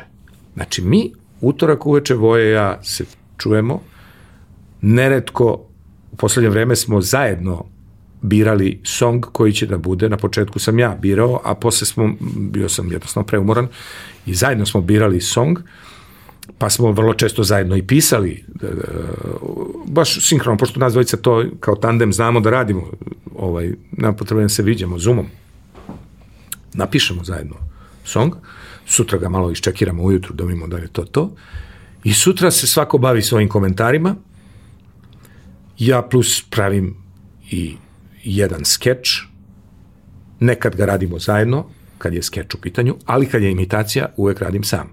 Zato što on ne sme da zna, da bi se smejao iskreno, on ne sme da zna koja je imitacija i šta je imitacija. Tako da je to jedna stresna sreda, posle stresnog utorka ili stresna sreda, sa sve snimanjem uveče koje počinje oko 9 sati i traje do ponoći i ranim jutarnjim ustajanjem da pogledaš uh, Rough Cut koji je prvi montažer. Imamo dva montažera. Prvi montažer u toku noći uradio grubu verziju čišćenja onih uh, viškova. viškova i pravljenja emisije koja traje otprilike 55-60 minuta ili kraće, što je vreme proticalo, to je sve bila kraće, jer smo sve bili kompaktniji, sve smo bili kompaktniji, sve smo bili tačniji i sve je bilo teže izbacivati stvari. I onda ja idem na montažu od 10 ujutru sa Anom, montažerkom, to je ta druga fina montaža, gde do, do 3-4 popodne treba da završim celu emisiju, da obradimo i onaj song koji je snimljen, da, ako ima efekta, a bilo je često i postprodukcijskih intervencija, znaš i sam da je bilo postprodukcije, bilo je green screena, bilo je dodavanja efekata, magla svuda, magla oko nas, morali smo maglu da stavimo preko songa, to deluje jednostavno, to uopšte nije jednostavno. Treba nađeš u 4K maglu prvo, pa da je primeniš, pa ovo, pa to kompjuter da izrendera, to sve traje. To je vreme, a ja nemam baš mnogo vremena, jer ja treba oko 3-4 to da završim, pa da pošaljem na mreže ovamo e, Biljani koja nam radi mreže, da to ode kao najava, pa da e, se e, izrendera sve zajedno, pa da ja odem, umeđu vremenu odemo do firme, napravim jedan break mentalni, pa u firmi mi stigne verzija koju pogledam pre nego što ode, sa odmakom malim, da vidim da li sve u redu, tehnički, i da li nešto slučajno nismo ispustili u onom grdnom ludilu tog dana i onda uveče ide, to veče ide, četvrtak uveče. Dakle, tri paklena dana, još ako u njega ubacimo i njihovu pripremu, gde su više Voja i Draža učestvovali u ponedeljak da prikupe i Boris Husović koji nam je bio čovjek koji je prikupljao Prič. te vesti uh, i, i, i pakovo ih u montažni, onaj deo montažnih priloga koje on je to radio, Dragana Marković, ovaj Kautski čitala. Uh, jedan tim ozbiljan koji nije samo nas trojica, naravno, nego je jedan ozbiljan produkcijski i novinarski tim koji je to, sigurno jedno, ako računamo i ljude za kamerama, a moramo da ih računamo jer oni su nas pratili, dvadesetak, između 20, nekad između 20 i 25 ljudi uh, je znalo da bude tu uključeno u svaku od tih emisija, a ti vidiš trojicu koji se kao opušteno zezaju. I naravno, kada dodaš tako 13 nedelja, prolećne sezone, 13 nedelja jesenje sezone, pa pauza i letnja i zimska i tako u tri, tri i po godine, onda to dovede do jednog zasićenja, pre svega mog, ja sam njima rekao, njima dvojici još u maju, rekao ljudi, negde na pola se, sedme sezone, ja sam rekao ljudi, završili smo upravo snimanje to veče, onako umorni, rekao, ja bi najradije preskočio jesenju sezonu. Malo, malo sam ih zatekao tu, Rekao, osjećam jednu, prvi put sam ovo osjetio, rekao, evo, za tri godine. Prvi put sam osjetio jedan umor, umor uh, is, zbog istosti, zbog ovih likova koje više me ne inspirišu da ih ponavljam stalno, iz nedelje u nedelju. Možda bi me inspirisali iz meseca u mesec, ali ne iz nedelje u nedelju. Nameću mi se kao obaveza, nema proširenja tog dijapazona likova, uh, isti ljudi na isti način, samo ih e, recikliraš. Drugo reko, songovi nam se troše ozbiljno, ne moš, ti ne možeš više da, mi smo birali e, pesme koje su domaće proizvodnje, domaćih autora, izbegavali smo, nije bilo stranih i ono kad je bilo, odmah na YouTube ide copyright claim, jer ne smeš to da stavljaš tamo, i onda sam izbjegavao, onda sam stavljao samo domaće, starogradske, narodne i zabavne, ok, sa sve naravno potpisanim autorima, sve to u redu. E, parodija, inače po autorsk, pra, zakonu o autorskom pravu ti kad nešto parodiraš ili u satirične e, parodija i satira kad se, koristi, kad se koristi tuđe, ne treba ti saglasnost. Jer nik, nijedan autor ti ne bi dao da, saglasnost se zezaš sa njihovim, zato i ne treba. Po zakonu nije potrebna saglasnost, ali to je mnogo lakše onda uraditi na domaćem terenu, gde ti ljudi koji su autori tih pesama između ostalog možda i gledaju taj prijež i uživaju u tome, kao što se na kraju pokazalo da je tako.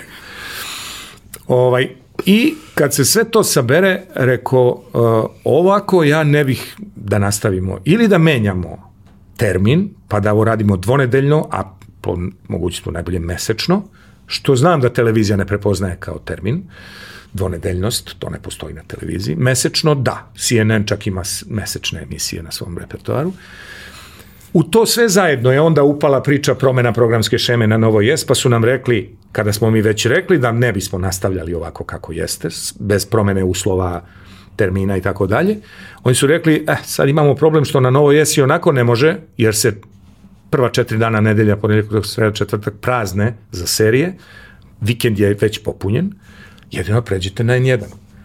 I mi smo se još jednom našli, seli, dogovorili, rekli, ako je već ovako, ako je već tako i drastična promena i sve to, ajde onda da mi ipak ostanemo pri svojoj odluci i onom mom gut osjećaju da mi preskočimo.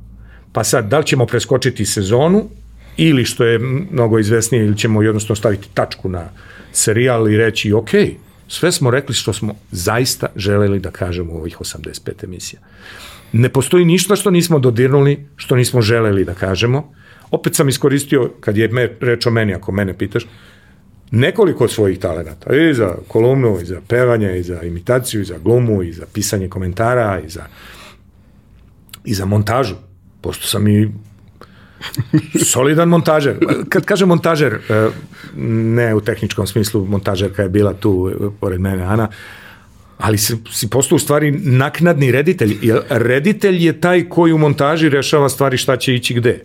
Ja sam u stvari režirao tu emisiju e, na stranu što sam se bavio postprodukcijom.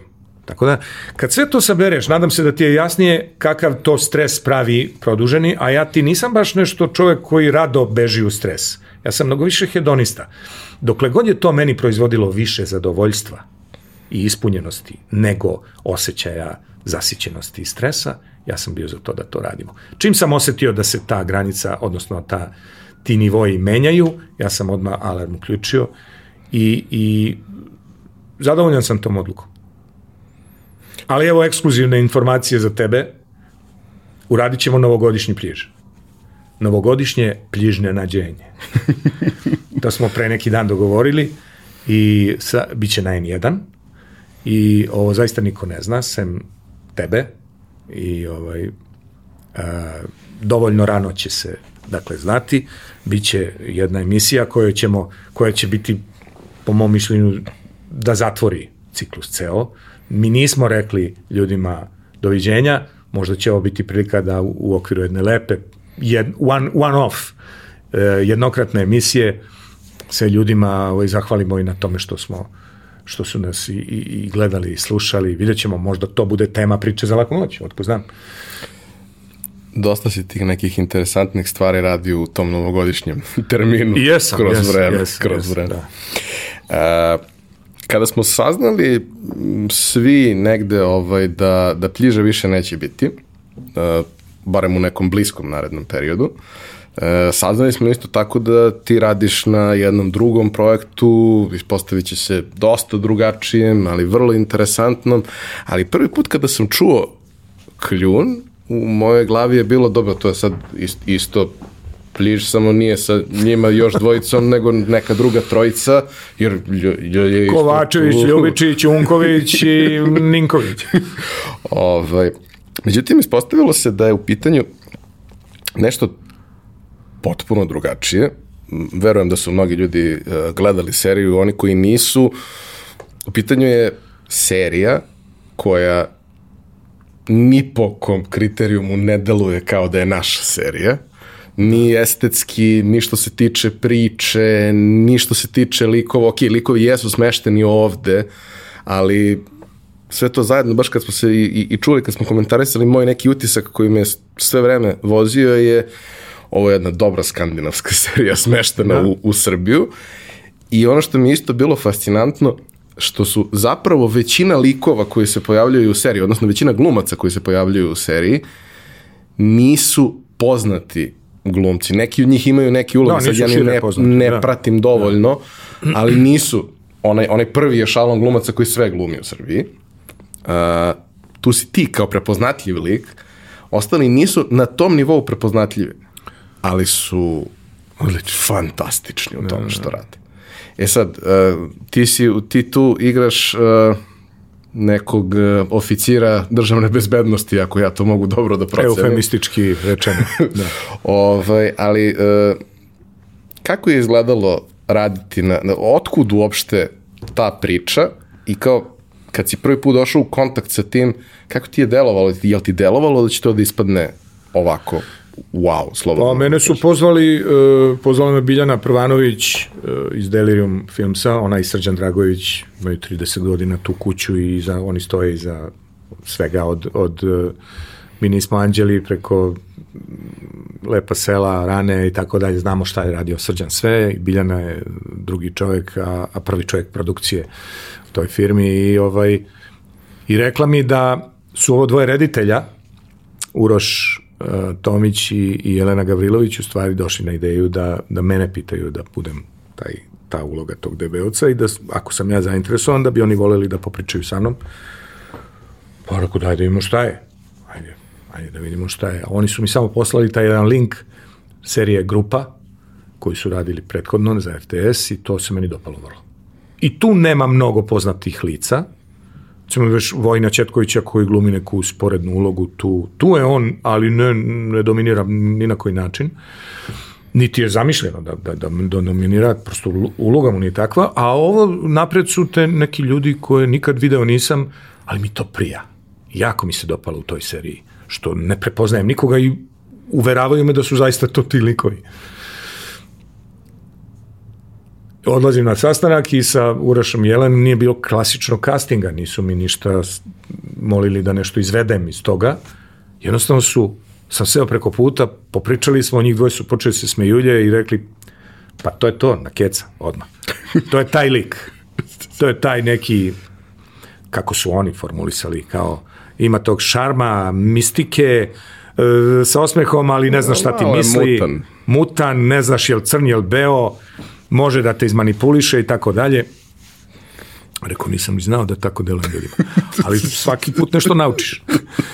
Ovaj, tu smo se, dakle, pronašli odmah. I ja s njima i oni sa mnom, očigledno. Poslali su mi uh, scenario, to je bila neka 18. ruka. Na kraju, smo rad, na, na kraju smo radili 25. u ruku, samo ti kažem, šta je u, to, preostala tri meseca se desilo. Dakle, to, to, je, to je normalan proces, da, da scenario doživi toliko promena, jer prosto uh, svaka ozbiljna priča mora da se piše jedno određeno vreme, kritičnu količinu vremena, koliko je to vremena ili koliko ruku, sve jedno, ali svakako se ne radi iz druge ili treće ruke nešto, sigurno. To je živa stvar i ona se menja. Uh, pripreme apsolutno nikakve nisam imao za to. Ja kad sam pročitao scenario, ja sam shvatio da je to dobar, dobra podela. Prosto ja to mogu da odradim, nema tu nikakve tajne. Uh, ja sam se zavitlavao posle i pričao da sam ove šest meseci proveo u DB-u na pripremama, hapšenju, bacanju suzavaca, zavrtanju ruku i ostalo i da sam prošao tu ono, gimnastiku. Ovaj, e, a istina je u stvari da, da kad ti nešto legne i kad osetiš šta je, nisam imao ni neka pitanja za njih kao reditelje. Tipa, je li, a šta mislite da ovo ono... I kad je bilo nekih indikacija s njihove strane ili pitanja s mojih strane, bilo su vrlo konkretno vezana za da li reći ovu rečenicu ovako ili onako. Ništa više od toga.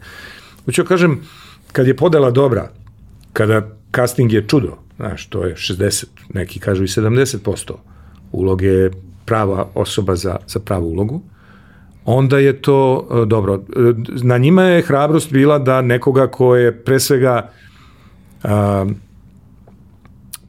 m, pojam zasmejavanja, za, zezanja, imitacije, humora, pa dobro satire, svega sem ne pandura manipulanta, ozbiljnog, koji odlučuje i o životima ljudi. E, dakle, jedan ne baš simpatičan lik, nije, nije ni potpuno antipatičan, ali nije ni u čemu ni simpatičan. Vidiš da je manipulant. Ne, ne, Ostalom, bude vrlo simpatičan dok nekog trenutka dok ne krene da ti se ledi krv u žilu. E, na kraju, da. Na kraju se vidi i onda nekima proizvede možda i razočarenje i tako dalje.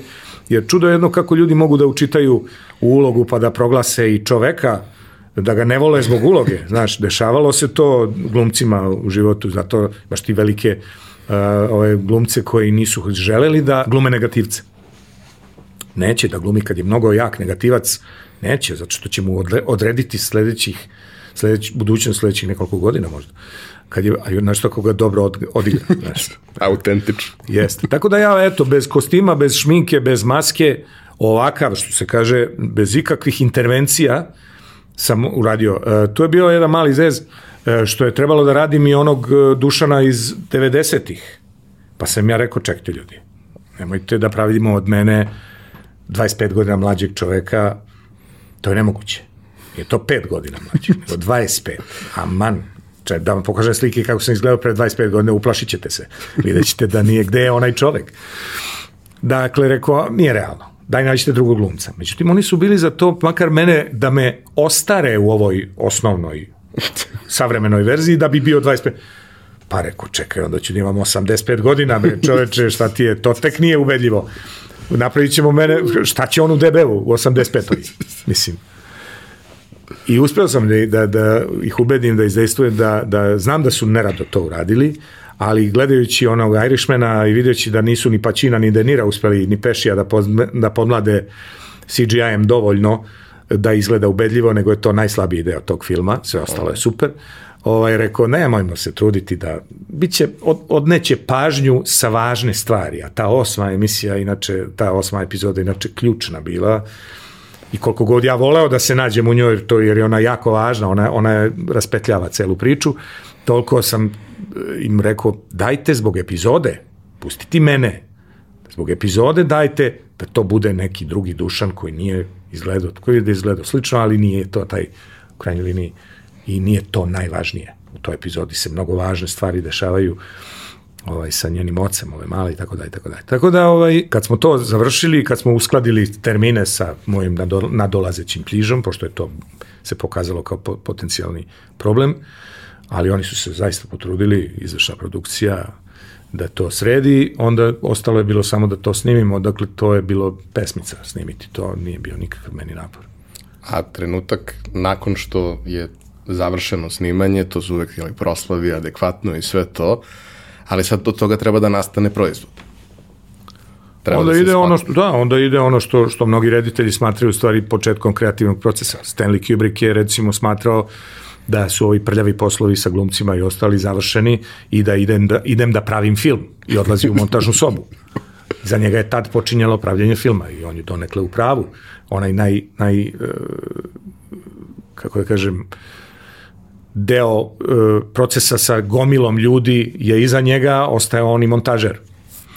E, ovde su ostali oni, naravno, montaži su se s, koristili svim mogućim sredstvima, pa i tim što ti kažeš da ne liči na domaću seriju. E, ja mislim da je ta serija, bez obzira što ona nije nikakav zaista spektakl, ni, za, za mnogi, mnogima se nije čak ni dopala, ali ima svoju veoma bitnu jednu vrednu crtu, što je drugačija, hrabra je, i univerzalna je. Priča, priča priču, e, priča univerzalnu priču i priča univerzalnim jezikom koju razumeju očigledno i napolju. Zato je i dobila nagradu publike u Kanu i zato će se prodati sigurno po, po ovaj, drugim zemljama jer je razumljiva. Meni, A sasvim dovoljno paranormalna. Meni je mnogo drago što je jedan značajan deo priče izmešten iz Beograda. To je isto interesantno. Meni je to bilo vrlo zanimljivo. I što u suštini e, možeš bez ikakvih problema da je smestiš u bilo koju drugu zemlju. Tako je. Osim što i estetski ispunjava sve kriterijume koje treba da bi se negde da. prikazivalo, da li je to Poljska, da li je to Nemačka, da li je to Austrija, Češka, nema neke tako Danska, nema tako neke, je, neke razlike. Ok, nije na, nije na jeziku, ali mislim tolike dobre serije se titluju ili sinhronizuju i to ne bi trebalo da predstavlja. Meni je važno bilo da je utisak o seriji bio to sam načulio, načulio uši da čujem. Ne, bih, ne bi mi prijalo da čujem rečenicu ti si dobar, ali nije dobra serija. E, to mi ništa ne znači. Biti dobar u celini u jednoj celini koja je dobra, to da. Biti dobar u nečemu što inače nije dobro, to mi ništa ne znači, to štrčiš. Mislim da je sve dosta dobro u toj seriji. Druga je stvar da li se svima sviđa. To ne, ne ulazimo to. Ali da je to solidno urađeno, da je to pametno, sa puno truda urađeno. Što se mene lično tiče, e, bitno mi je bilo da, da ničim ne asociram na Mićka na koga ste navikli i mislim da sam u tome uspeo. Dodatno je važno što sam to uradio bez kostima, šmink, kostima, šminke, brkova i, i perike. Razumeš? E, tako, to mi je, to mi je samo razlog e, više da verujem u to da, da, da gluma dolazi iznutra i da je imaš ili nemaš i koliko je važna podela. Za sam kraj, pošto sam te iscedio ovde već junački. Šta dalje? Šta dalje? Pa ja ostajem u onom svom uh, okruženju. Ja volim da se bavim tim mojim reklamama i, i neću prestati tim da se bavim, verovatno nikad, dokle god bude bilo onih koji dolaze po to, po taj duh koji kroz tu kratku malu pseudo-umetničku formu, pošto ja volim da je tako posmatram, ne samo kao, kao oglašavanje, nego kao neku malu mini umetnost. Ja tako želim, druga stvar, da li je drugi tako doživljavaju. E, dokle god budu dolazili po to, e, to mi pomaže da, da, da, da vežbam mozak na dnevnoj e, osnovi, da izlazim iz, iz kategorije u kategoriju, da nisam zarobljen u jednoj uh, estetici i u jednom uh, fazonu, prosto, nego, da, nego da idemo iz radija u televiziju, u, u, u mreže, u, da komuniciram uh, tuđim proizvodom, tuđim uslugama, ali svojim porukama. Svojim viđenjem tuđih E, proizvoda njihovog truda, rada i, i investicija. Van toga, trenutno, evo, još mala jedna, recimo, ekskluzivnost, ja pravim jedan studio, e, nazvao sam ga Soba, a, i ovaj, e, mislim, nazvao sam ga Soba, e, jeste soba, manja je nego ova tvoja, iako se e, na, na posle ekranu ova tvoja čini malom zato što je crna, A, ovaj, takva će biti i ova moja i trenutno sam uh, u fazi opremanja toga. Uh, traži jednu malu predpriču. U mene je 90. godina kad smo u Sačiju uh, bili sestrinska agencija kao Tintanata Sakan, koji je bio jedan ozbiljan kreativac i vizionar čovjek, volao sam s njimi da pričam i da razmenjujem iskustva, razvoj, kaže, ti si pravi renesansni čovjek. Kaže, to, to sve što ti imaš, što i lepo što koristiš te stvari, još više to treba da koristiš, da pokažeš ljudima, nema takvih puno tih Leonardo da Vinci, Michelangelo i tako dalje, to su, pa rekao, nabosi dvojicu, od kojih mi je jedan onako životni, da tako kažem, skoro idol.